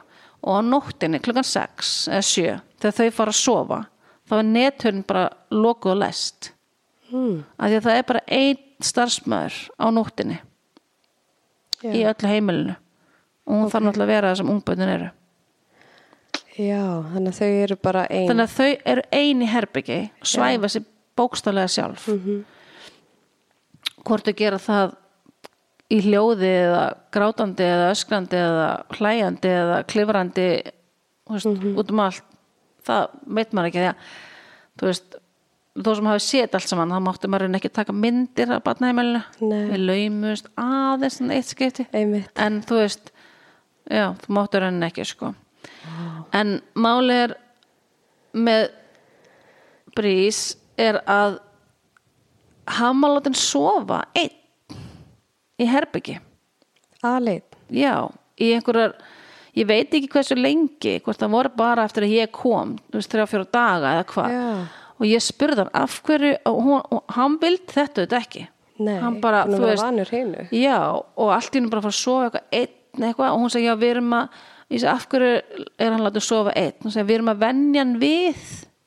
Já, þegar hann myndi koma til þín. já, en ég minna, þú veist, hann svá náttúrulega bara upp í rúmi hjá mér Já. á hótelinu Nákvæmlega. að því að þú veist, ég bað um auka rúm fyrir hann inn á herbyggi Mhm. og hóteli kom með rimlarúm og ég bara, nei, nei, nei, nei, nei, nei, nei. Nei, nei. Þú veist, ekki, að því að það var rimlarúm átlað á barnaheimil Já, það er bara bara, nei, já. þa- þetta er búið Já. hann er, hann er ekki að fara, ég er ekki að fara að traumatæsa barnið að vera í rimlarúm Nei. áfram þannig að síðasta kvöldið að því að þú veist, þá fór ég með hann alveg inn og þú veist, það var hann vildi ekki fara, hann vildi ekki að ég færi frá sig, hann var bara mamma, mamma, mamma. Mhm. og þannig að hérna hann sa satt manni frammi bara á gangi hjá nunnunum sem voru þá ennþá veist, hérna, og voru að undirbúa sig fyrir nætuvættina bara hjá ungbóttunum og það satt þar bara og veist, ég veifaði og sagði ég elska þig og þú veist, eitthvað svona gerir hjarta og alltaf kist hann og knúsaði og þú veist, þannig að bara alveg út gangin sko, og svo bara þú veist, komið bara tárin sko Já. en hérna en svo, þú veist svo koma morgunin eftir og ég labba svona inn gangin ég held að hafa verið þann morgun og þá, þá er hann einhvers stað svona aðeins inn í gangin og spottar hann mig og bara mamma og veist, hleypur í fangið að mér þú veist, og bara það, Já. þetta litla moment sekundu brot, barni segir mamma Já. það er bara bræðir þig algjörlega, sko Og svo gladur að hitta þig. Vá. Þannig að og nunnan var bara eins og það voru búin að búin að sjá hvað hann var búin að aðlagast og var tilbúin í þetta stökk sko. þannig að hann bara fer með okkur upp á hótel og þú veist, auðvitað eru sko samskiptin eru náttúrulega öðru vísi því að það er veist, ég tala ekki frönsku Nei. ég ætlaði nú reyndar að vera búin að læra smá eins en það hefnaðist ekki alveg eins eins og maður ætlaði en það franska er svolítið erfitt mál en hérna þannig að þú veist það voru bara teikningar og handarreifingar en, en Fabrís bílstjóri var náttúrulega bara stóðu stitta Bara túlkur. já, algjörlega og, bara, og líka hann á þrjú börn hann gæti útskipt ótrúlega mikið hann skildi hvernig var Já. að hérna, vera barn líka skilur mig Heimitt. og að því að lögfræðingurinn var ekki alveg ég fílaði hann ekki alveg nógu vel sko Nei. og hérna hann var svona pínu svona ítin pínu svona, hann tók til þess oft meiri hendina á Breeze Já. ég held eitthvað svona að byrja á ég ekki verið að tengja spatninu þannig að en það er Spes, svona önnur saga bara að segja frá því og sem við ætlum ekki að fara út í hérna þetta var skemmtilegt. Já, já. en hérna og ég veit að það er búið að breytast allt í því sko. Þannig að hérna en hérna við tók svona þú veist, jú þetta- var ógeðslega erfitt. Ég ætla ekkert að skafa því. Og hann var alveg reyður suma daga bara að því að þú veist við fórum við vorum með veist, myndir af hlutu sem við ætlum að gera og svo notuðum við veist, á ef er orðið fyrir strönd er abuda mm -hmm. notuðum það ennþá dag í dag Abuda. abuda, já, við höldum í eitt orð Er það strönd? það er strönd, já. og við þurftum eitthvað að senka ferðinni og þá bara rústa hann hótelherbygginu Já. og svo reyður veist, að því vorum ekki að fara alveg strax -hmm. og endan þurfti ég að veist, ringja niður veist, og Fabrice var úti og ég bara, getur þú koma að hjálpa mér að hjálpa okkur, því að hann var bara búin að sópa öllu niður hillum og bara henda í okkur hlutum og það var brjálaður sko. en þú veist, bara því hann skildi ekki Nákvæmlega. þú veist, hann Þannig að kannski haldi að þið ætla að gera eitthvað og svo búið að taka af honum. Eitthvað svo leiðis Og þá bara náttúrulega... og þá, já, þú veist þannig Já. að og að því að við höfum gert það daginn áður þú veist þá, skilur þannig að Mhm. það bara skiptir ótrúlega miklu málum að sá það bara þarna bara ok, við verðum bara að annarkvæmt ekki segja honum strax þú veist, við verðum bara Já. svona gera jafn óðum að segja honum hvað það með gera sko. Einmitt. en við reyndum samt en líka alltaf að, þú veist, alla þessa daga þá var skipulagi nokkuð svipa þú veist, við bara vöknum morgunna fórum niður, það var æðislegt svona morgunverðar hlaðbor bara í þessu hóteli og þú veist, hann valdi sér alltaf omulettuna með einhverju í og borðið morgumat, svo fórum við upp og hann lék sér með smá, ég fór út með smá dót og bækur og eitthvað svona leis og þá mm léku okkur aðeins og svo fórum við sérst, henni, því ég tók og það er ekki beint mikið hægt að gera og þú veist, þú vilt við, ég, við gátum ekki verið bara inni lokaðar á hótelherbyggi þannig að þú veist, ok, við verðum að gera eitthvað, þannig að það voru svona þrýr staðir, þannig að það var sko sundlegin við hótelið það var ströndin og þá var bílstjórun minn búin að finna æðislega strönd sem var svona aðeins út fyrir alveg miðborgin eða þú veist, alveg svæðið. Svona lítil strönd, bara svona við svona lítið strandhótel. Já. þú veist, sem allir máttu fara á sko og svo kannski kiftur þér eitthvað, en það var svona lítið ekki svona, ekki svona mikill háfaði í sjónum þarna og, og svona, ekki mikið af fólki. Því að á stóru, stóru ströndinni þetta er alltaf strandborg. Já, það var svolítið mikið. já, bara, veist útigangsfólk og skítugt og veist, ert kannski ekkit endilega að fara mikið með Nei. þannig að þú vilt kannski fara svona meira sem er smá næði Mhm. og bara, og við sátum þar bara, það var bara, við fórum út í búðið dæn og keftum bara skriljónskoblur og fötur og, og alls konar, af því að þú vilt líka styrkja þjóðfélagið þarna, Mhm. eða samfélagið og við gáfum, batnaheimilin alveg stútfullan póka skoblum og fötum og Já. og hérna þannig að við vorum bara þarna kannski á ströndinni þú veist, í 2-3-4 tíma og svo bara þú veist fara heim, kannski komið við á markanum skipti ávextir og svo bara heim og aðeins laka á, fá sér smá að borða og svo, þú veist, eftir háti var kannski jafnvel, þú veist, farið í sundlegina eða, eða svo fundum við svona minigolfgarð sem er reyndar Fabrice bílstjóðan minn vissi ekki einu svona af Ok. nú varst ókslega að fyndil og ok Já. en þú veist það alltaf kostar inn á hann þó svo fyrir okkur hafa þetta kostar bara þú veist tíkall Já. en það er kannski mikið penningur hjá þeim Já, einmitt. þannig að, að hérna, við fórum þetta var svona minigolf og leiktæki Já. þannig að við fórum þangað þetta var svona þrý staðirnir sem þú ert að skipta á milli Já.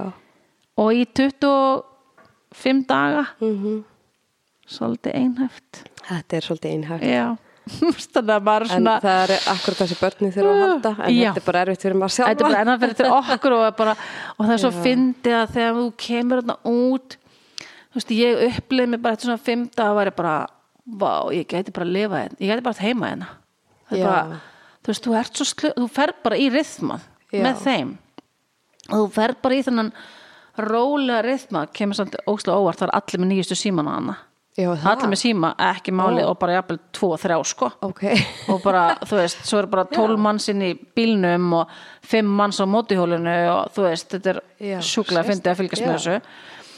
Og, og hérna en, en eins og segi, rithmin er svo ótrúlega rólur og þú, þú lendir bara í sama gýr, ómeðvitað. Mhm. og maður er bara svona, æja, veist það, ég, ég gæti þetta alveg, ég gæti bara kúpla mig frá öllu og bara verið hérna. En þegar dagur svona 26 er kominn já, og ég sagði það sem í djóki mér langar rosa mikið bara í Starbucks eða eitthvað þú veist, þú ert bara fann að þrá Já. að sjá eitthvað vestrænt skilur og Nákvæmlega. eitthvað ómerkilegt eins og Starbucks eða Einmitt. þú veist lífi. pítsu eða eitthvað skilur Já. bara eitthvað svona, ó, mér langar svo rosalega mikið að þannig að hérna báðir heimar mjög góðir Einmitt. virkilega góðir, allt gott í hói eins og maður segir. allt gott í hói En þetta Já. er líka náttúrulega bara erfiðar aðstæður að vera já, Þú veist, í þessu landi á hótelinu að reyna tengja spanninu og hann náttúrulega, þú veist, hvernig hann tók náttúrulega reyði köst og alls konar köst, eða ekki? Já. En hvernig þú svafan vel eða hvernig var það? hann svaf reyndar mjög vel. Hann, hann reyndar uh, og svolítið erfitt að sopna Já. og hann var oft svona þú veist, allir átt að fara að sofa. Já, þannig að við svona tókum svona gerfi svepp einmitt og slögtum bara ljósin og við lögðum við vorum öll þú veist, þrjú bara basically í sama rúminu. Það var Já. risa rúm sko. Og hann var bara á milli. Og við svona þykistunni sopnuðum mm Mhm. þá getur hann sopnaði og þá gætu við ferið fram með og þá getur við farið fram bara í þú veist svona litla Já, stofu og sem hann var- vaknaði ekkert endilega nei, við það. nei, og hann bara svafi vilt Já. allar nætur sko Það meika, sensa því hann er vanur að allir sopna Já, saman tíma já. þannig að og hann elskaði að fara í bað já, þú veist, ekki bað á baðnaheimilinu, þau fara bara í svona svona vask eða föt, eitthvað. fötusturtu og ég Já, kallaði stundum veist, já. það er svona kér stór, svona baðkör tvö sem þau labba, sem er upp á svona palli Já. onni og svo taka svona net sem þau setja Mm. sápuna í og skrúpa sig með netinu og svo bara taka þau fötu og fylla vatni sem er stór fata Já. með vatni og þau taka litla fötu og helli yfir sig. Já. þetta er baðið þeirra. Þannig að hann dyrkaði að fara vera Í baðkari bað, og var kannski bara í baðkarinu bara í klukkutíma sko. Bara með fullt af dóti og ógislega stala við sjálfa sig og Já. þú veist með sundgliru eða eitthvað áleika og það var geggjað sko. brjála aksjón Já. og sturta, þú veist bara hann stóð einu sinni í sturtunni inn í sturtunni í náttutunum bara, já, bara, bara, meðtaka þetta dásamlega allt þetta, þú veist Mhm. horfa á eitthvað í síma þú veist, og bara sjónvarp já, veist, nákvæmlega allir þessar hlutir eru, og þetta er náttúrulega gríðarlega mikið áreiti Mhm. fyrir bat sem hefur nánast aldrei, þeir höfðu alveg séð síma þeir nunnuna voru með síma sko. Já, já. en þú veist, allt annað er þetta er svo mikið áreiti sem er að hrinja svona á þau á Já. stuttum tíma. Þannig að það er alveg eðlilegt að einhver tíman bara búf, springi smá sko. Já, guð, þetta er svo mikið sem erum að læra Já, bara sjá og eins og bara til heiminn, dæmis, já, eins og til dæmis með bæði það að fara í, á ströndina og í sundlegina sundlegin var þannig að það var svona tröppurinn í sundlegina sem var svona langar. Mhm. þannig að það var mjög grunnt. Við skilum bara svona akla, akla djúft vatn, alveg í kannski tvo metra, svo komið trappa og trappa og svo niður og hann var í heila viku, ef ekki meira bara í þessu grunna vatni. Svona Já. 20-30 cm fór ekki eins og niður í fyrstu bara, og hvað þá? Onni það sem var dýrst sko. þó sem hafa verið með kúta, þú veist, handakúta og armkút og alls konar sko. Mhm. og hérna og hann bara var þarna, bara alveg þú veist, og kannski lá eða stóð eða satt eða whatever. Svo kom þú veist vika tvö, þá fór hann svona aðeins niður í tröppu tvö, jafnvel kannski þrjú þú veist, eitthvað svona aðeins. Á síðustu vikunni bara komin í djúpu, já, ekkert mál. Stökk úti og vá. Já, hoppaði úti og hann var með svona, svona litla vi- vindseng, svona hálfa vindseng sem heldur í og buslar fótunum. Hann var bara henni út um alla laug sko. Þannig og sjóin líka þú veist, hann var, ég þurfti að halda á honum ef ég fór út í sjóin bara Mhm. svona, sko, ég er sjórætt mm -hmm. ég fer ekki það sem ég sé ekki botn.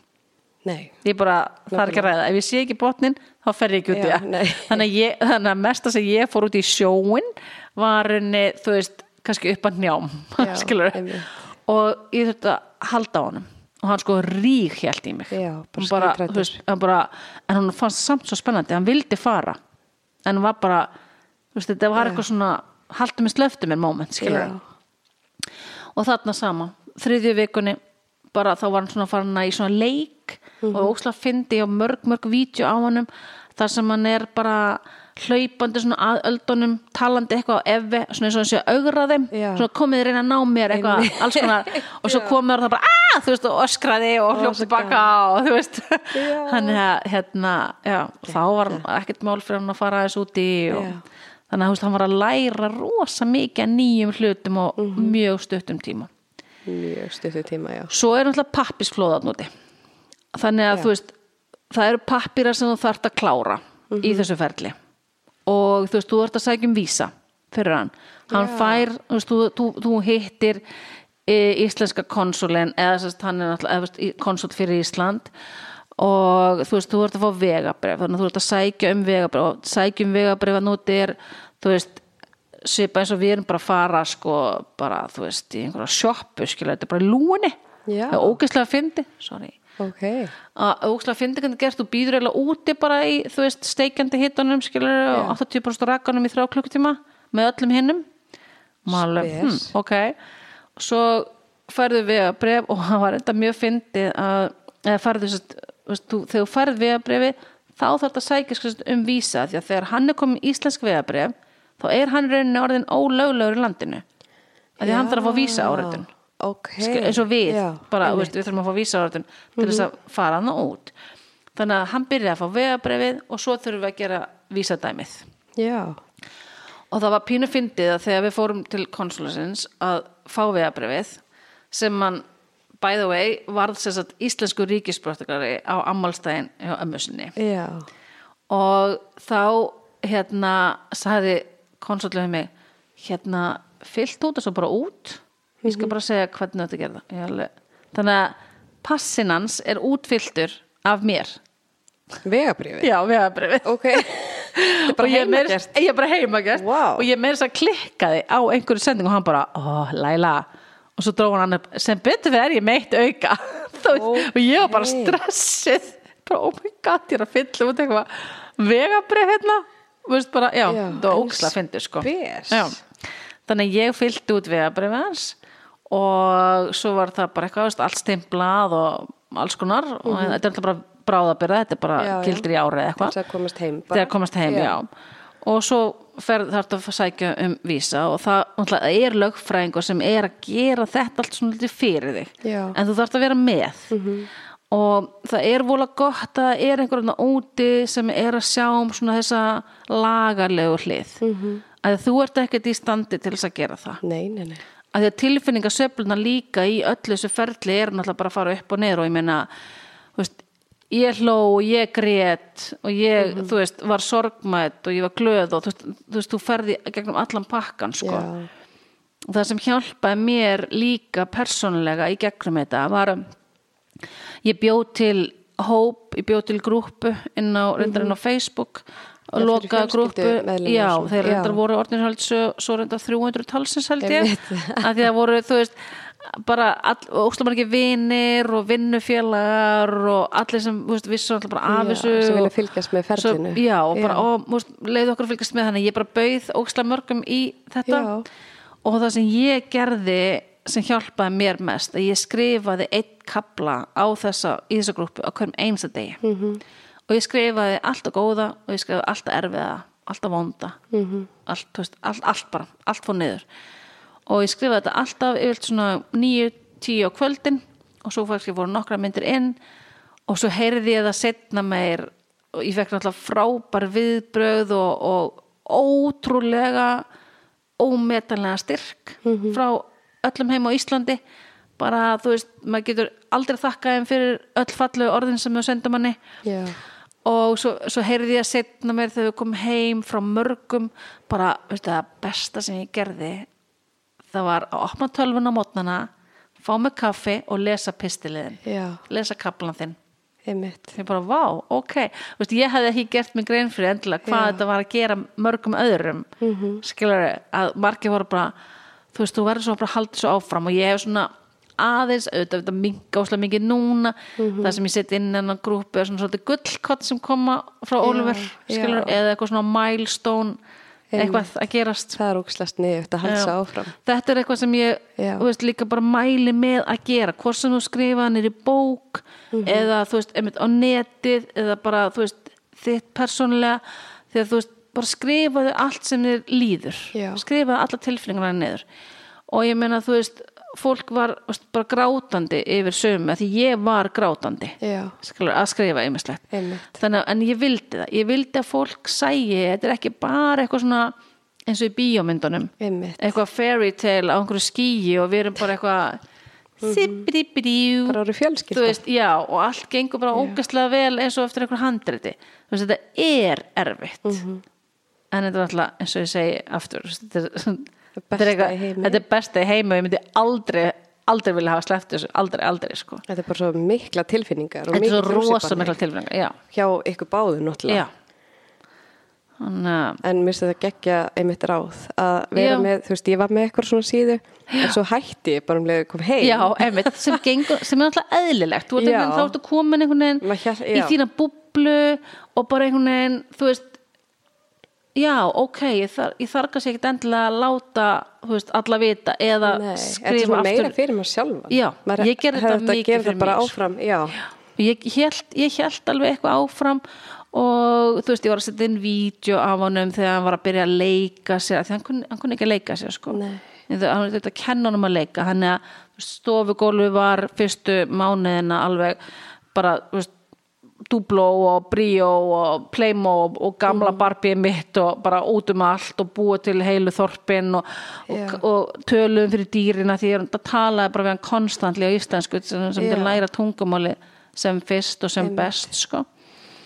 Þannig að hérna en svo líka eitt sem ég líka mæli með þú veist um, úti eins og heimferðin Mhm. þú veist, hún er náttúrulega alveg rosa stór pakki sérstaklega þú ert að koma frá Tókó það sem þú ert að vera í tvær flugvelar og ég var dæmis bara að rifja þetta upp um daginn við eina sem var náttúrulega að spyrja mig um þetta og, og þá er þetta þannig að sko í okkar tilfelli þá er þetta næturflug frá Tókó sem er alltaf ógislega erfitt fyrir veist, lítið batn já, þannig að veist, þennan morgun daginn sem við fórum heim, þá leið hann, hann sofa, fór hann sent að sofa kvöldi Mhm. áður og svo hann geti sofið sem mest fram á morgunin og svo var ég búin að teikna alls konar myndir, bara þú veist, við erum að fara í bíl í Mhm. hús og svo flugvel og svo kom aftur hús og svo kom aftur flugvel og svo kom Já. aftur bíl og svo sýndi ég mynda um afa Já. af því að við vorum alveg búin að vera í FaceTime veist, með mamma og pappa mínum þú veist, þannig að hann var búin að sjá ömmu sinna og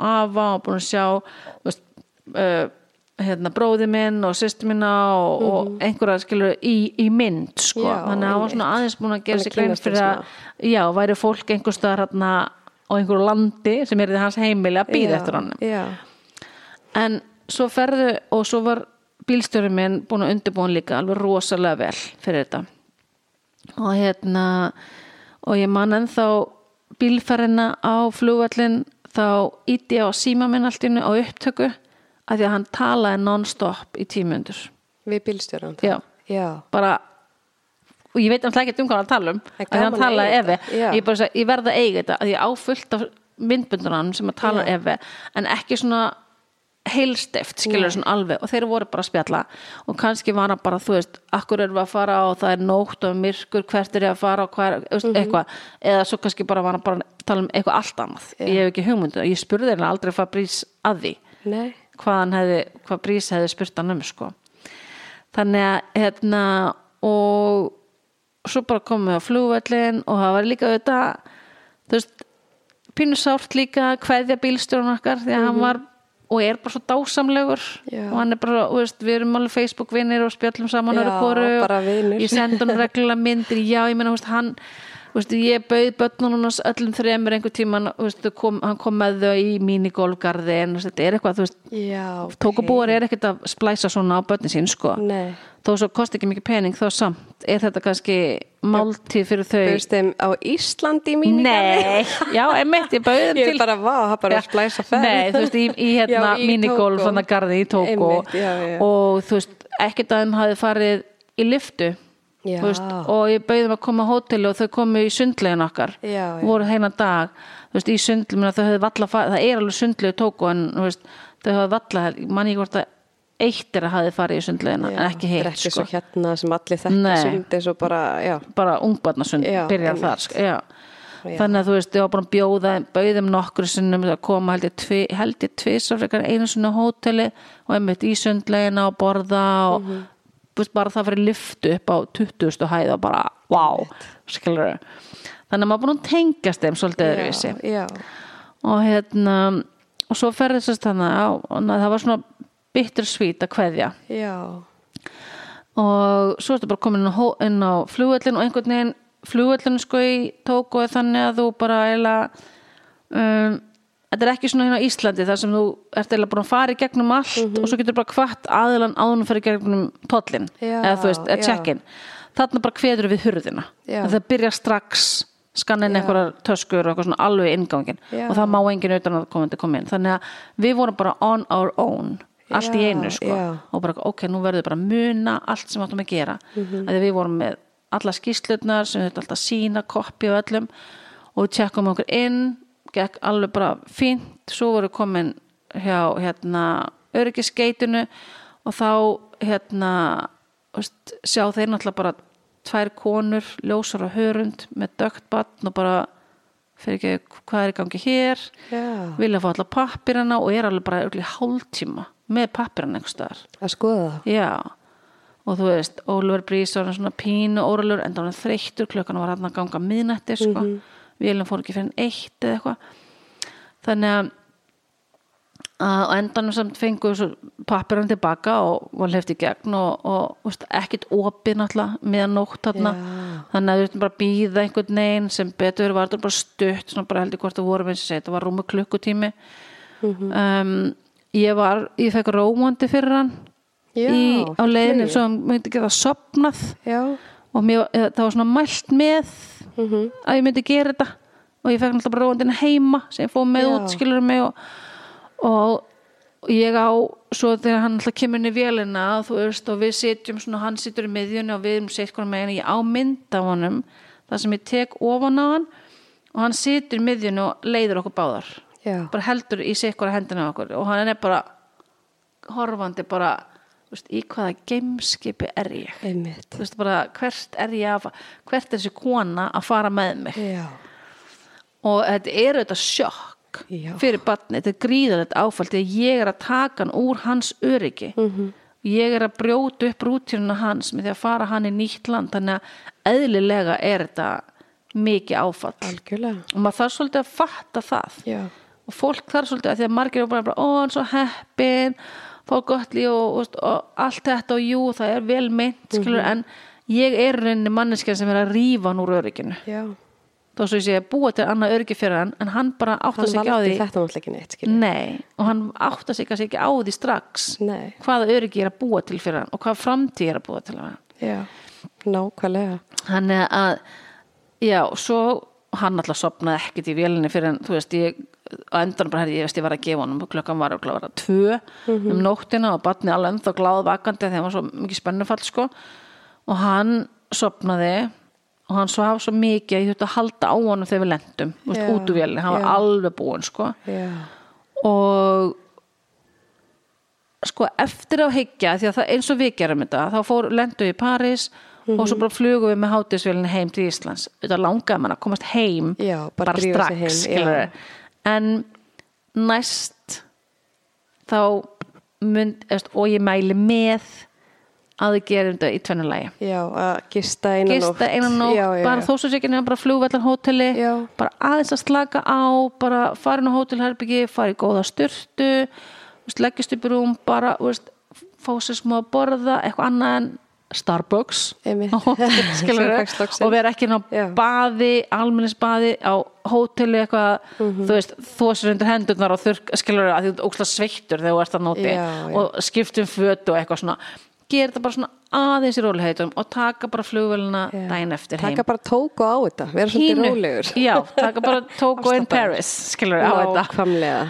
Ekki alveg að, þú veist, ég veit samt alveg tilfinningin sem það komast heim er gríðarlega það sterk bara er að býða á Já. sekunduvísum já, bara, bara please, mér langar að komast heim í gær. Já, einmitt. En hérna svo en við ákvæmum að fara svona. Og svo finnst mér rosalega gaman og fallegt að segja frá því að þess að uh, sonur mákonminnar og elsti bróðurinn og bróður minns er hérna flugmaður. Já, og hann pantaði þetta flug.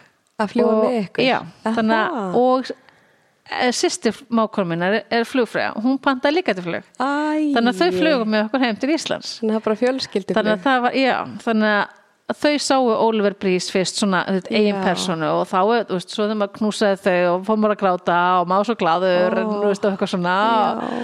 þetta var ótrúlega falleg moment líka. Þá er maður líka pínu komin heim. Já, pínu bara komin heim. það sem að fjölskylda er. Já. ó, já, vá en gaman. Já, það var æðislegt. Og svo flugum við heim og og Oliver þú veist, náði alveg ekkert þannig mikið að slaka á í vélinni svona aðeins eitthvað. Mhm. og ég mæ líka mynd með því að þú veist, ekki vera með móttöku nefnd á Nei. flugvöllunum þú veist, það voru bara mamma og pappi sem komu og bróður minn. Já, eðlilega kannski, þú veist, konan konans Já, búin að já. vera úti í mánu skilur veist, þannig að þau voru bara þrjú, þau þrjú, það var ekki bara eitthvað þú veist, sýsti mín og maður hennar og börnin og vinkonur og vinir og eitthvað, skilur, ekki bara eitthvað 30 manns að taka á móti batinu það er svolítið mikið. Já, og ég minna hann var búin að vera að FaceTime við þetta fólk þannig að hann vissi alveg andlitin sem voru hann já, og hann hérna svo er bara komið heim og auðvitað vilja allir knúsa og hann rosa knúsin Mhm. ekkert mál, minna hann knúsaði bara fólk út í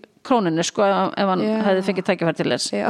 hann bara knúsaði alla vinina minna sem komið heimsótt næstu mánuðina og allt saman ok gera kannski ekki alveg í dag Nei, Við er, skilur, er það en ekki þú líka veist- bara því það var að koma með tengsli við þig og bara veit að þú ert ekki að fara bara knúsa er bara allt Ísland Nei, en svo bara hann, hann bara er rosa bara knúsin, er bara rosa þannig típa Já. og það var held ég líka af því að hann var aln upp hjá mömmu sinni já, fyrstu mánuði æfinar sko.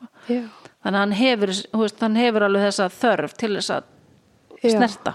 Já, og já, svo var bara farið upp í bíl og kert heim og fimm myndum eftir að lögum stað flugvellum þá sopnaði hann. Já Bara búinn. allir búin og bara líka finnir rugla að þú ert orðin aðeins afslappari og hann bara- svo spenntur. Já, og svo komum við heim og komum bara var það ekki heim. Það var alltaf bara dásamlegt þú veist, ég, þetta eitthvað að halda á honum inn af því að hann var ennþá sofandi og Já. hann sefur sko mjög djúft gott. Og hérna og laði hann bara inn í rúm og, og þá kom, þú veist, sýsti mín og máur og, og hérna og þú veist, það var svo vaknaðan og, og það var einhvern veginn bara ótrúlega næs. Settist bara í borstofuborðið og fekk smá pakka frá ömmu og afa og og hérna borðum alls smá mat saman og svo bara tekið smá, fram, fram smá dót og fara aðeins að leika og bara þú veist og svona einkendust bara næstu mánuðir. Já, bara ég, og, já, ég, ég var ekkert eitthvað þú veist, ég tók ekki alveg bókstaflega svona inn að gæsla bara reglurnar um það að má enginn komi heimsókn og ekki fara neitt já, ég tók ekki alveg svona kannski að því að ég var búin að heyra mix Mhm. frá öðrum fóreldrum frá Tóko sumir hefðu gert það og sumir hefðu gert annað Já. og bæði voru alveg að reynast. Þannig að þau sem, sem þau sagði við mig var bara þú þarf bara að þreyfa fyrir þér. Bara fylgja innsæðin þín fylgja einsæðin þínu. Hvað, hvað finnst þér að batn þetta er tilbúið að gera hverju sinni? Já, það er engin eins. Nei, og það er eins og til dæmis eins og sálfræðingurinn sagði við mig um, í einu skiptunum og sagði sko uh, hvað ætlar að gera eða kemur upp veist, uh, átök eða vandrað ég segi þá tek ég á þeim þegar það er að kemur. Já, ég er svolítið þannig típa. Ég tek bara á því þegar það er, ég er ekki að búa til ég er ekki að mála skrattan á veginn strax. Nei, Þannig ekki þú búið til allar aðstæður upp og, Já, og þú- æfa þig í eitthvað sem kemur kannski ekki. nei, og svo kemur það og þú, þá gleymur æfingunum hvað sem er. Nákvæmlega, þannig að þetta er ekki, þú veist, þetta er ekki handrit. heilbritt við þorf ég, veist, þetta, Maður á að ég held að ég búin að læra þetta svolítið bara svona gegnum lífi, Já, bara herða já. ok þú veist, ef það kemur einhver þröskuldur þá bara stíga yfir hann Einmitt. og það bara kemur ljós þegar hann kemur hvernig ég ætla að stíga yfir hann. Já, og ég held einmitt að það hafi spólað tilbaka alveg þú veist, öll þessi áföll sem ég lendi á undan. Kent mér líka svolítið. Einmitt. Nákvæmlega. Og jú, jú, þetta var alveg þú veist, þetta var alveg challenging. Þetta er alveg að vera 1 24-7 Mhm. þú veist, ég var grátandi hann var grátandi veist, hann, ég var bokspúðin hann sko. Já. ég var slegin og bitin og barinn og kýld og þú veist ég bara, já, já veist, en ég minna, Mhm. þú bara tekur því þú veist, það er bara hvað á maður að gera, nei, heyrðu, ég ætla að skila þér Já, þú veist, nei. af því að það er mesta ræðslan líka og þau eru að testa þig það er nefnilega sem þau eru að gera þau eru að gera þetta til þess að aðtuga mun hún skila mér Já. það er að sorglegasta hugsun sem ég get ímynda mér sko. Já. og það besta sem þú getur gert er náttúrulega að vera bara nei, bókspúðil bara nei ég, þú ert ekki að fara neitt, þú ert skila þér sama Nei. hvað þú gerir. Já. og við tókum svona ég tók svona bjótið svona möndru Mhm. uh, þannig að þegar hann tók kostin og hann vildi ekki að ég snerti sig þá bara, sá, þá bara það sem hann satt þar satt ég svona meter frá eða halva meter frá og ég sagði alltaf, veist, ég er hérna. Ég elska þig, ég Já. fer aldrei. Ég er hérna, ég elska þig ég fer aldrei, þú veist, ég sagði þetta bara og ég lagði svona út hendina. Og ég sagði bara, þú veist, mamma fer ekki neitt mamma er alltaf hér, mamma mun alltaf elska þig. Þannig að, þú veist, og ég róa hann svolítið bara með þess að við komum okkur upp bara svona pínu möndru og hann fann bara veist, hann fekk tíma til þess að róa sig og kom svo til mín þegar hann var tilbúin stæðan fyrir að ég væri að þvinga hann til þess að knúsa eða veist, halda utan með að hugga. Já, þú veist, ég leiði honum að gera þetta á hans hans forsendum og hans, hans tíma.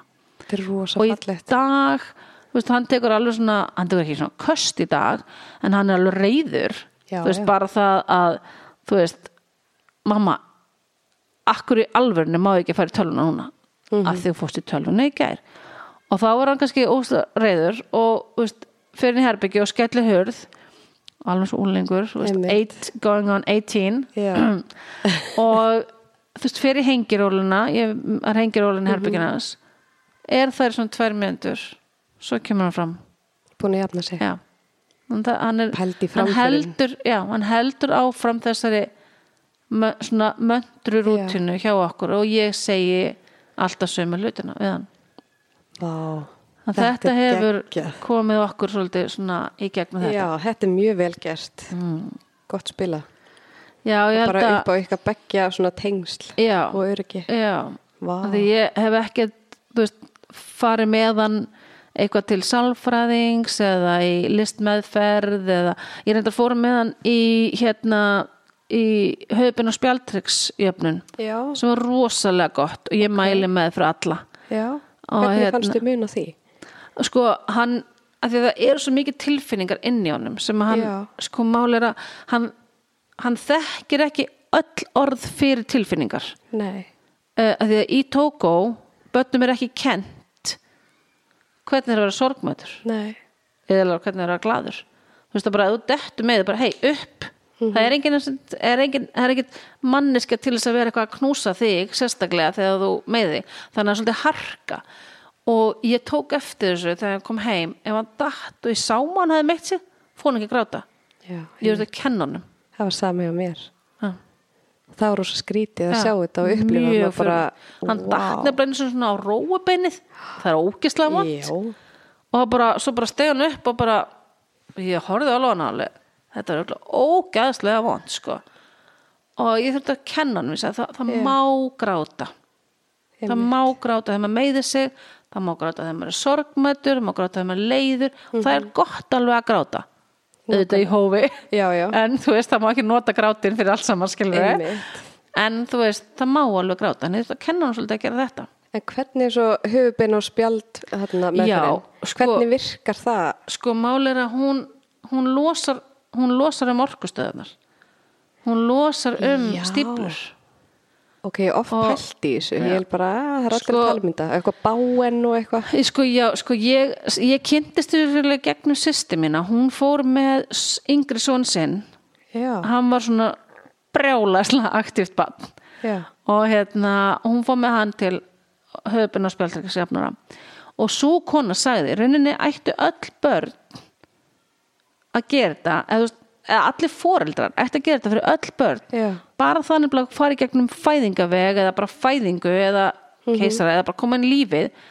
Það röflar einhverju uh, hérna byggingu og orkustöðum í líkamann já, þannig að veist, við þurfum öll að fara veist, og láta losa um ímislegt svo líka þú veist þegar þú ert í stöðu eins og börn eins og, eins og hans stöðu þú veist það sem að þú ert veist, ekki kent hvernig að þú máttur að sorgmætur eða leiður eða hamingjusamur eða, þú veist, eða um það að gráta Já. þá byrgjur þetta inni já, ómeðvitað einmitt. þannig að veist, hún, ég fyrir með hann og það var þetta pínu erfitt af því að það liggja alveg í 40 myndur og við erum að Já. tala um bat sem er mjög aktífur sko.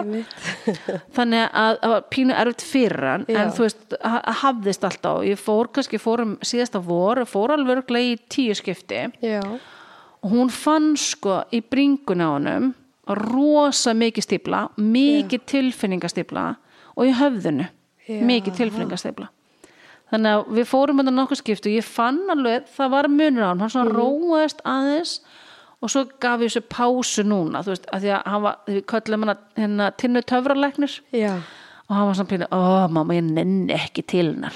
Og ég líði, manstu það, mann líði svo vel þegar hann búinn. Hann þetta var ekkert kannski uppáhaldið hans. Nei. en ég minna að þetta var ekki eins og verið að þú veist, ég var ekkert að rífa úr um jaksli ekki aksjón, en af bara hann er í nákvæmlega virkur, þú veist, sko. já, Já, ég sagðist við hann ef þú væri með sjónvarp í loftinu þó svo væri bara mute þá myndi hann að liggja hérna sko. Veist þannig að, að því hún er bara hún er bara, hún er bara snertan sko. Hún er bara að losa þannig um stíplur og ég mun alveg fara til hennar aftur einhvern tímann. Alveg pottið sko. Þetta finnst mér geggja. Ég ætla að prófa þetta þetta. er mjög gott fyrir alla að fara til. Já, virkilega. Og hún er svona sérhæð svolítið í börnum sko. Ok. En, en eigum við að koma ykkur bara svona loka, loka orðum, eitthvað svona ráð? Já. Til þess að loka þættinum. sko og það ráð sko að ég veist bara fylgja hjartanu. Já, þú veist, fylgja hjartanu fylgja fylgja þínu innsæi en þú veist að því að undibúningurinn er nokkurn veginn skrifaður fyrir þig og bara, þú veist, fylgdan rólega veist, og ekki íta eftir neinu, veist, það kemur. Þú veist, ég trúi því einmitt að þú veist, þar sem Ísold og Oliver eru fætt á sama ári ég trúi því að hún hafi sendt hann til mín. Og hann kom til mín á þeim tíma sem hann átt að koma til mín. Já, þannig að maður, ég veit að þetta er erfitt að býða gríðarlega erfitt. En þú veist, maður þarf bara svolítið að setja sig í þann pakka að þú veist, mitt barn kemur til mín þegar það á að koma til mín. Já, og þú veist ef ég fæ að skjóta því inn að nú er ég í ferli nummer tvö. Já, það. og það er farin út umsóknin er farin út. Hún er búin að vera úti núna í nýju mánuði. Ekki það að ég sé að tellja þegar þarna kom bíð þegar ég var að tellja í hugunum Vá, og ég er ekki búin að vera eins og grár köttur upp á íslenska ætlingu ég er ekki eins og búin að fara einu sinni upp á það er líka íslenska þau ætlingu átt all fyrir. já, ég er náttúrulega komin með Já. og Og er það aftur þráin já, aftur til tóku þráin er sterk en hún er náttúrulega ekki Eins og örvæntingin ef maður, ef við fyrir þannig. Að, veist, Mhm. samt ekki örvænting beint heldur svona bara, þú veist, ó, mér langar svo að þetta gerist núna. Já, en Ólifur aftur á móti er mjög spenntur veit hann að þessu? já, hann veit af þessu já. hann er að fá bróður eða sýstir hann vil auðvitað bróður helst já og það er náttúrulega við veitum ekkert hvernig það gerist nei. ég meina ég geti fengið símtalið eftir klukkutíma ég geti líka fengið símtalið eftir þrjá mánu eða ykkur ár ég, ég hugsa þessi ekki eftir ár af því að ferlið nr. 2 er vilt alltaf aðeins hraðara, aðeins flótlara heldur en ferlið nr. 1 Spennandi. og þetta var svona pínu ég náttúrulega er 48 ára Já. þannig að og þú máttu ekki vera eldri en held ég 47 minni mig okay. eða tvö ár frá því síðustu ætlingu og einmitt síðustu ára, þar síðustu áramót þá var ég komin á tíma mm -hmm. þannig að þú veist, kortur í jól áðun ég var þú veist að því ég er snemma árinu þá bara hendi ég inn þessar umsvöld mér leiði svolítið eins og ég hefði bara verið að sækjum þú veist bara í háskólanámi eða eitthvað, bara ég hendi þessu bara inn og sé bara hvað gerist. Einhvern veginn. öðruvísi heldur en síðast. já, svolítið mikið öðru síðan og það var bara svona, öllu bara svona og ég ætla að gera allt upp á nýtt en ég gerði pínu þú veist, ég gætt nota sömu fyrirmyndir og allt það, en bara þú veist, bætti við hvernig Ólu er búin að þú veist, já, einmitt. þannig en, en þetta er bara, já, bottom line þú veist, þitt barn kemur til þín þegar það á að koma til þín. Já. Það er eiginlega eina sem ég get sagt þú ert svo yndisleg. Ó, ég fyrir Ég þarf að fá þig aftur af því ég þarf að vita alls konar meira, sko. Já, já, Það er málið. ég er Ég- til að koma að kunna sem er Finnst ekki gaman að tala Jú, um þetta? mjög svo Vá, hvað þetta er mögnu saga og bara takk kærlega fyrir að deilinu með Já, mér. bara mín er ánægn ég bara, eins og segi, ég geti líka alveg talað um þetta allan dag og ég er eins og opin bók þannig að mér veist bara dásanlegt ef að þetta getur verið hjálp til einhvers annars Nákvæmlega. þá er það bara æðislegt sko Yey, því að ég bara vil að allir geta eignast börn alveg saman hvernig þau fara að því nákvæmlega. búið til sína drauma fjölskyldu Já. Ó, takk fyrir. sem leiðis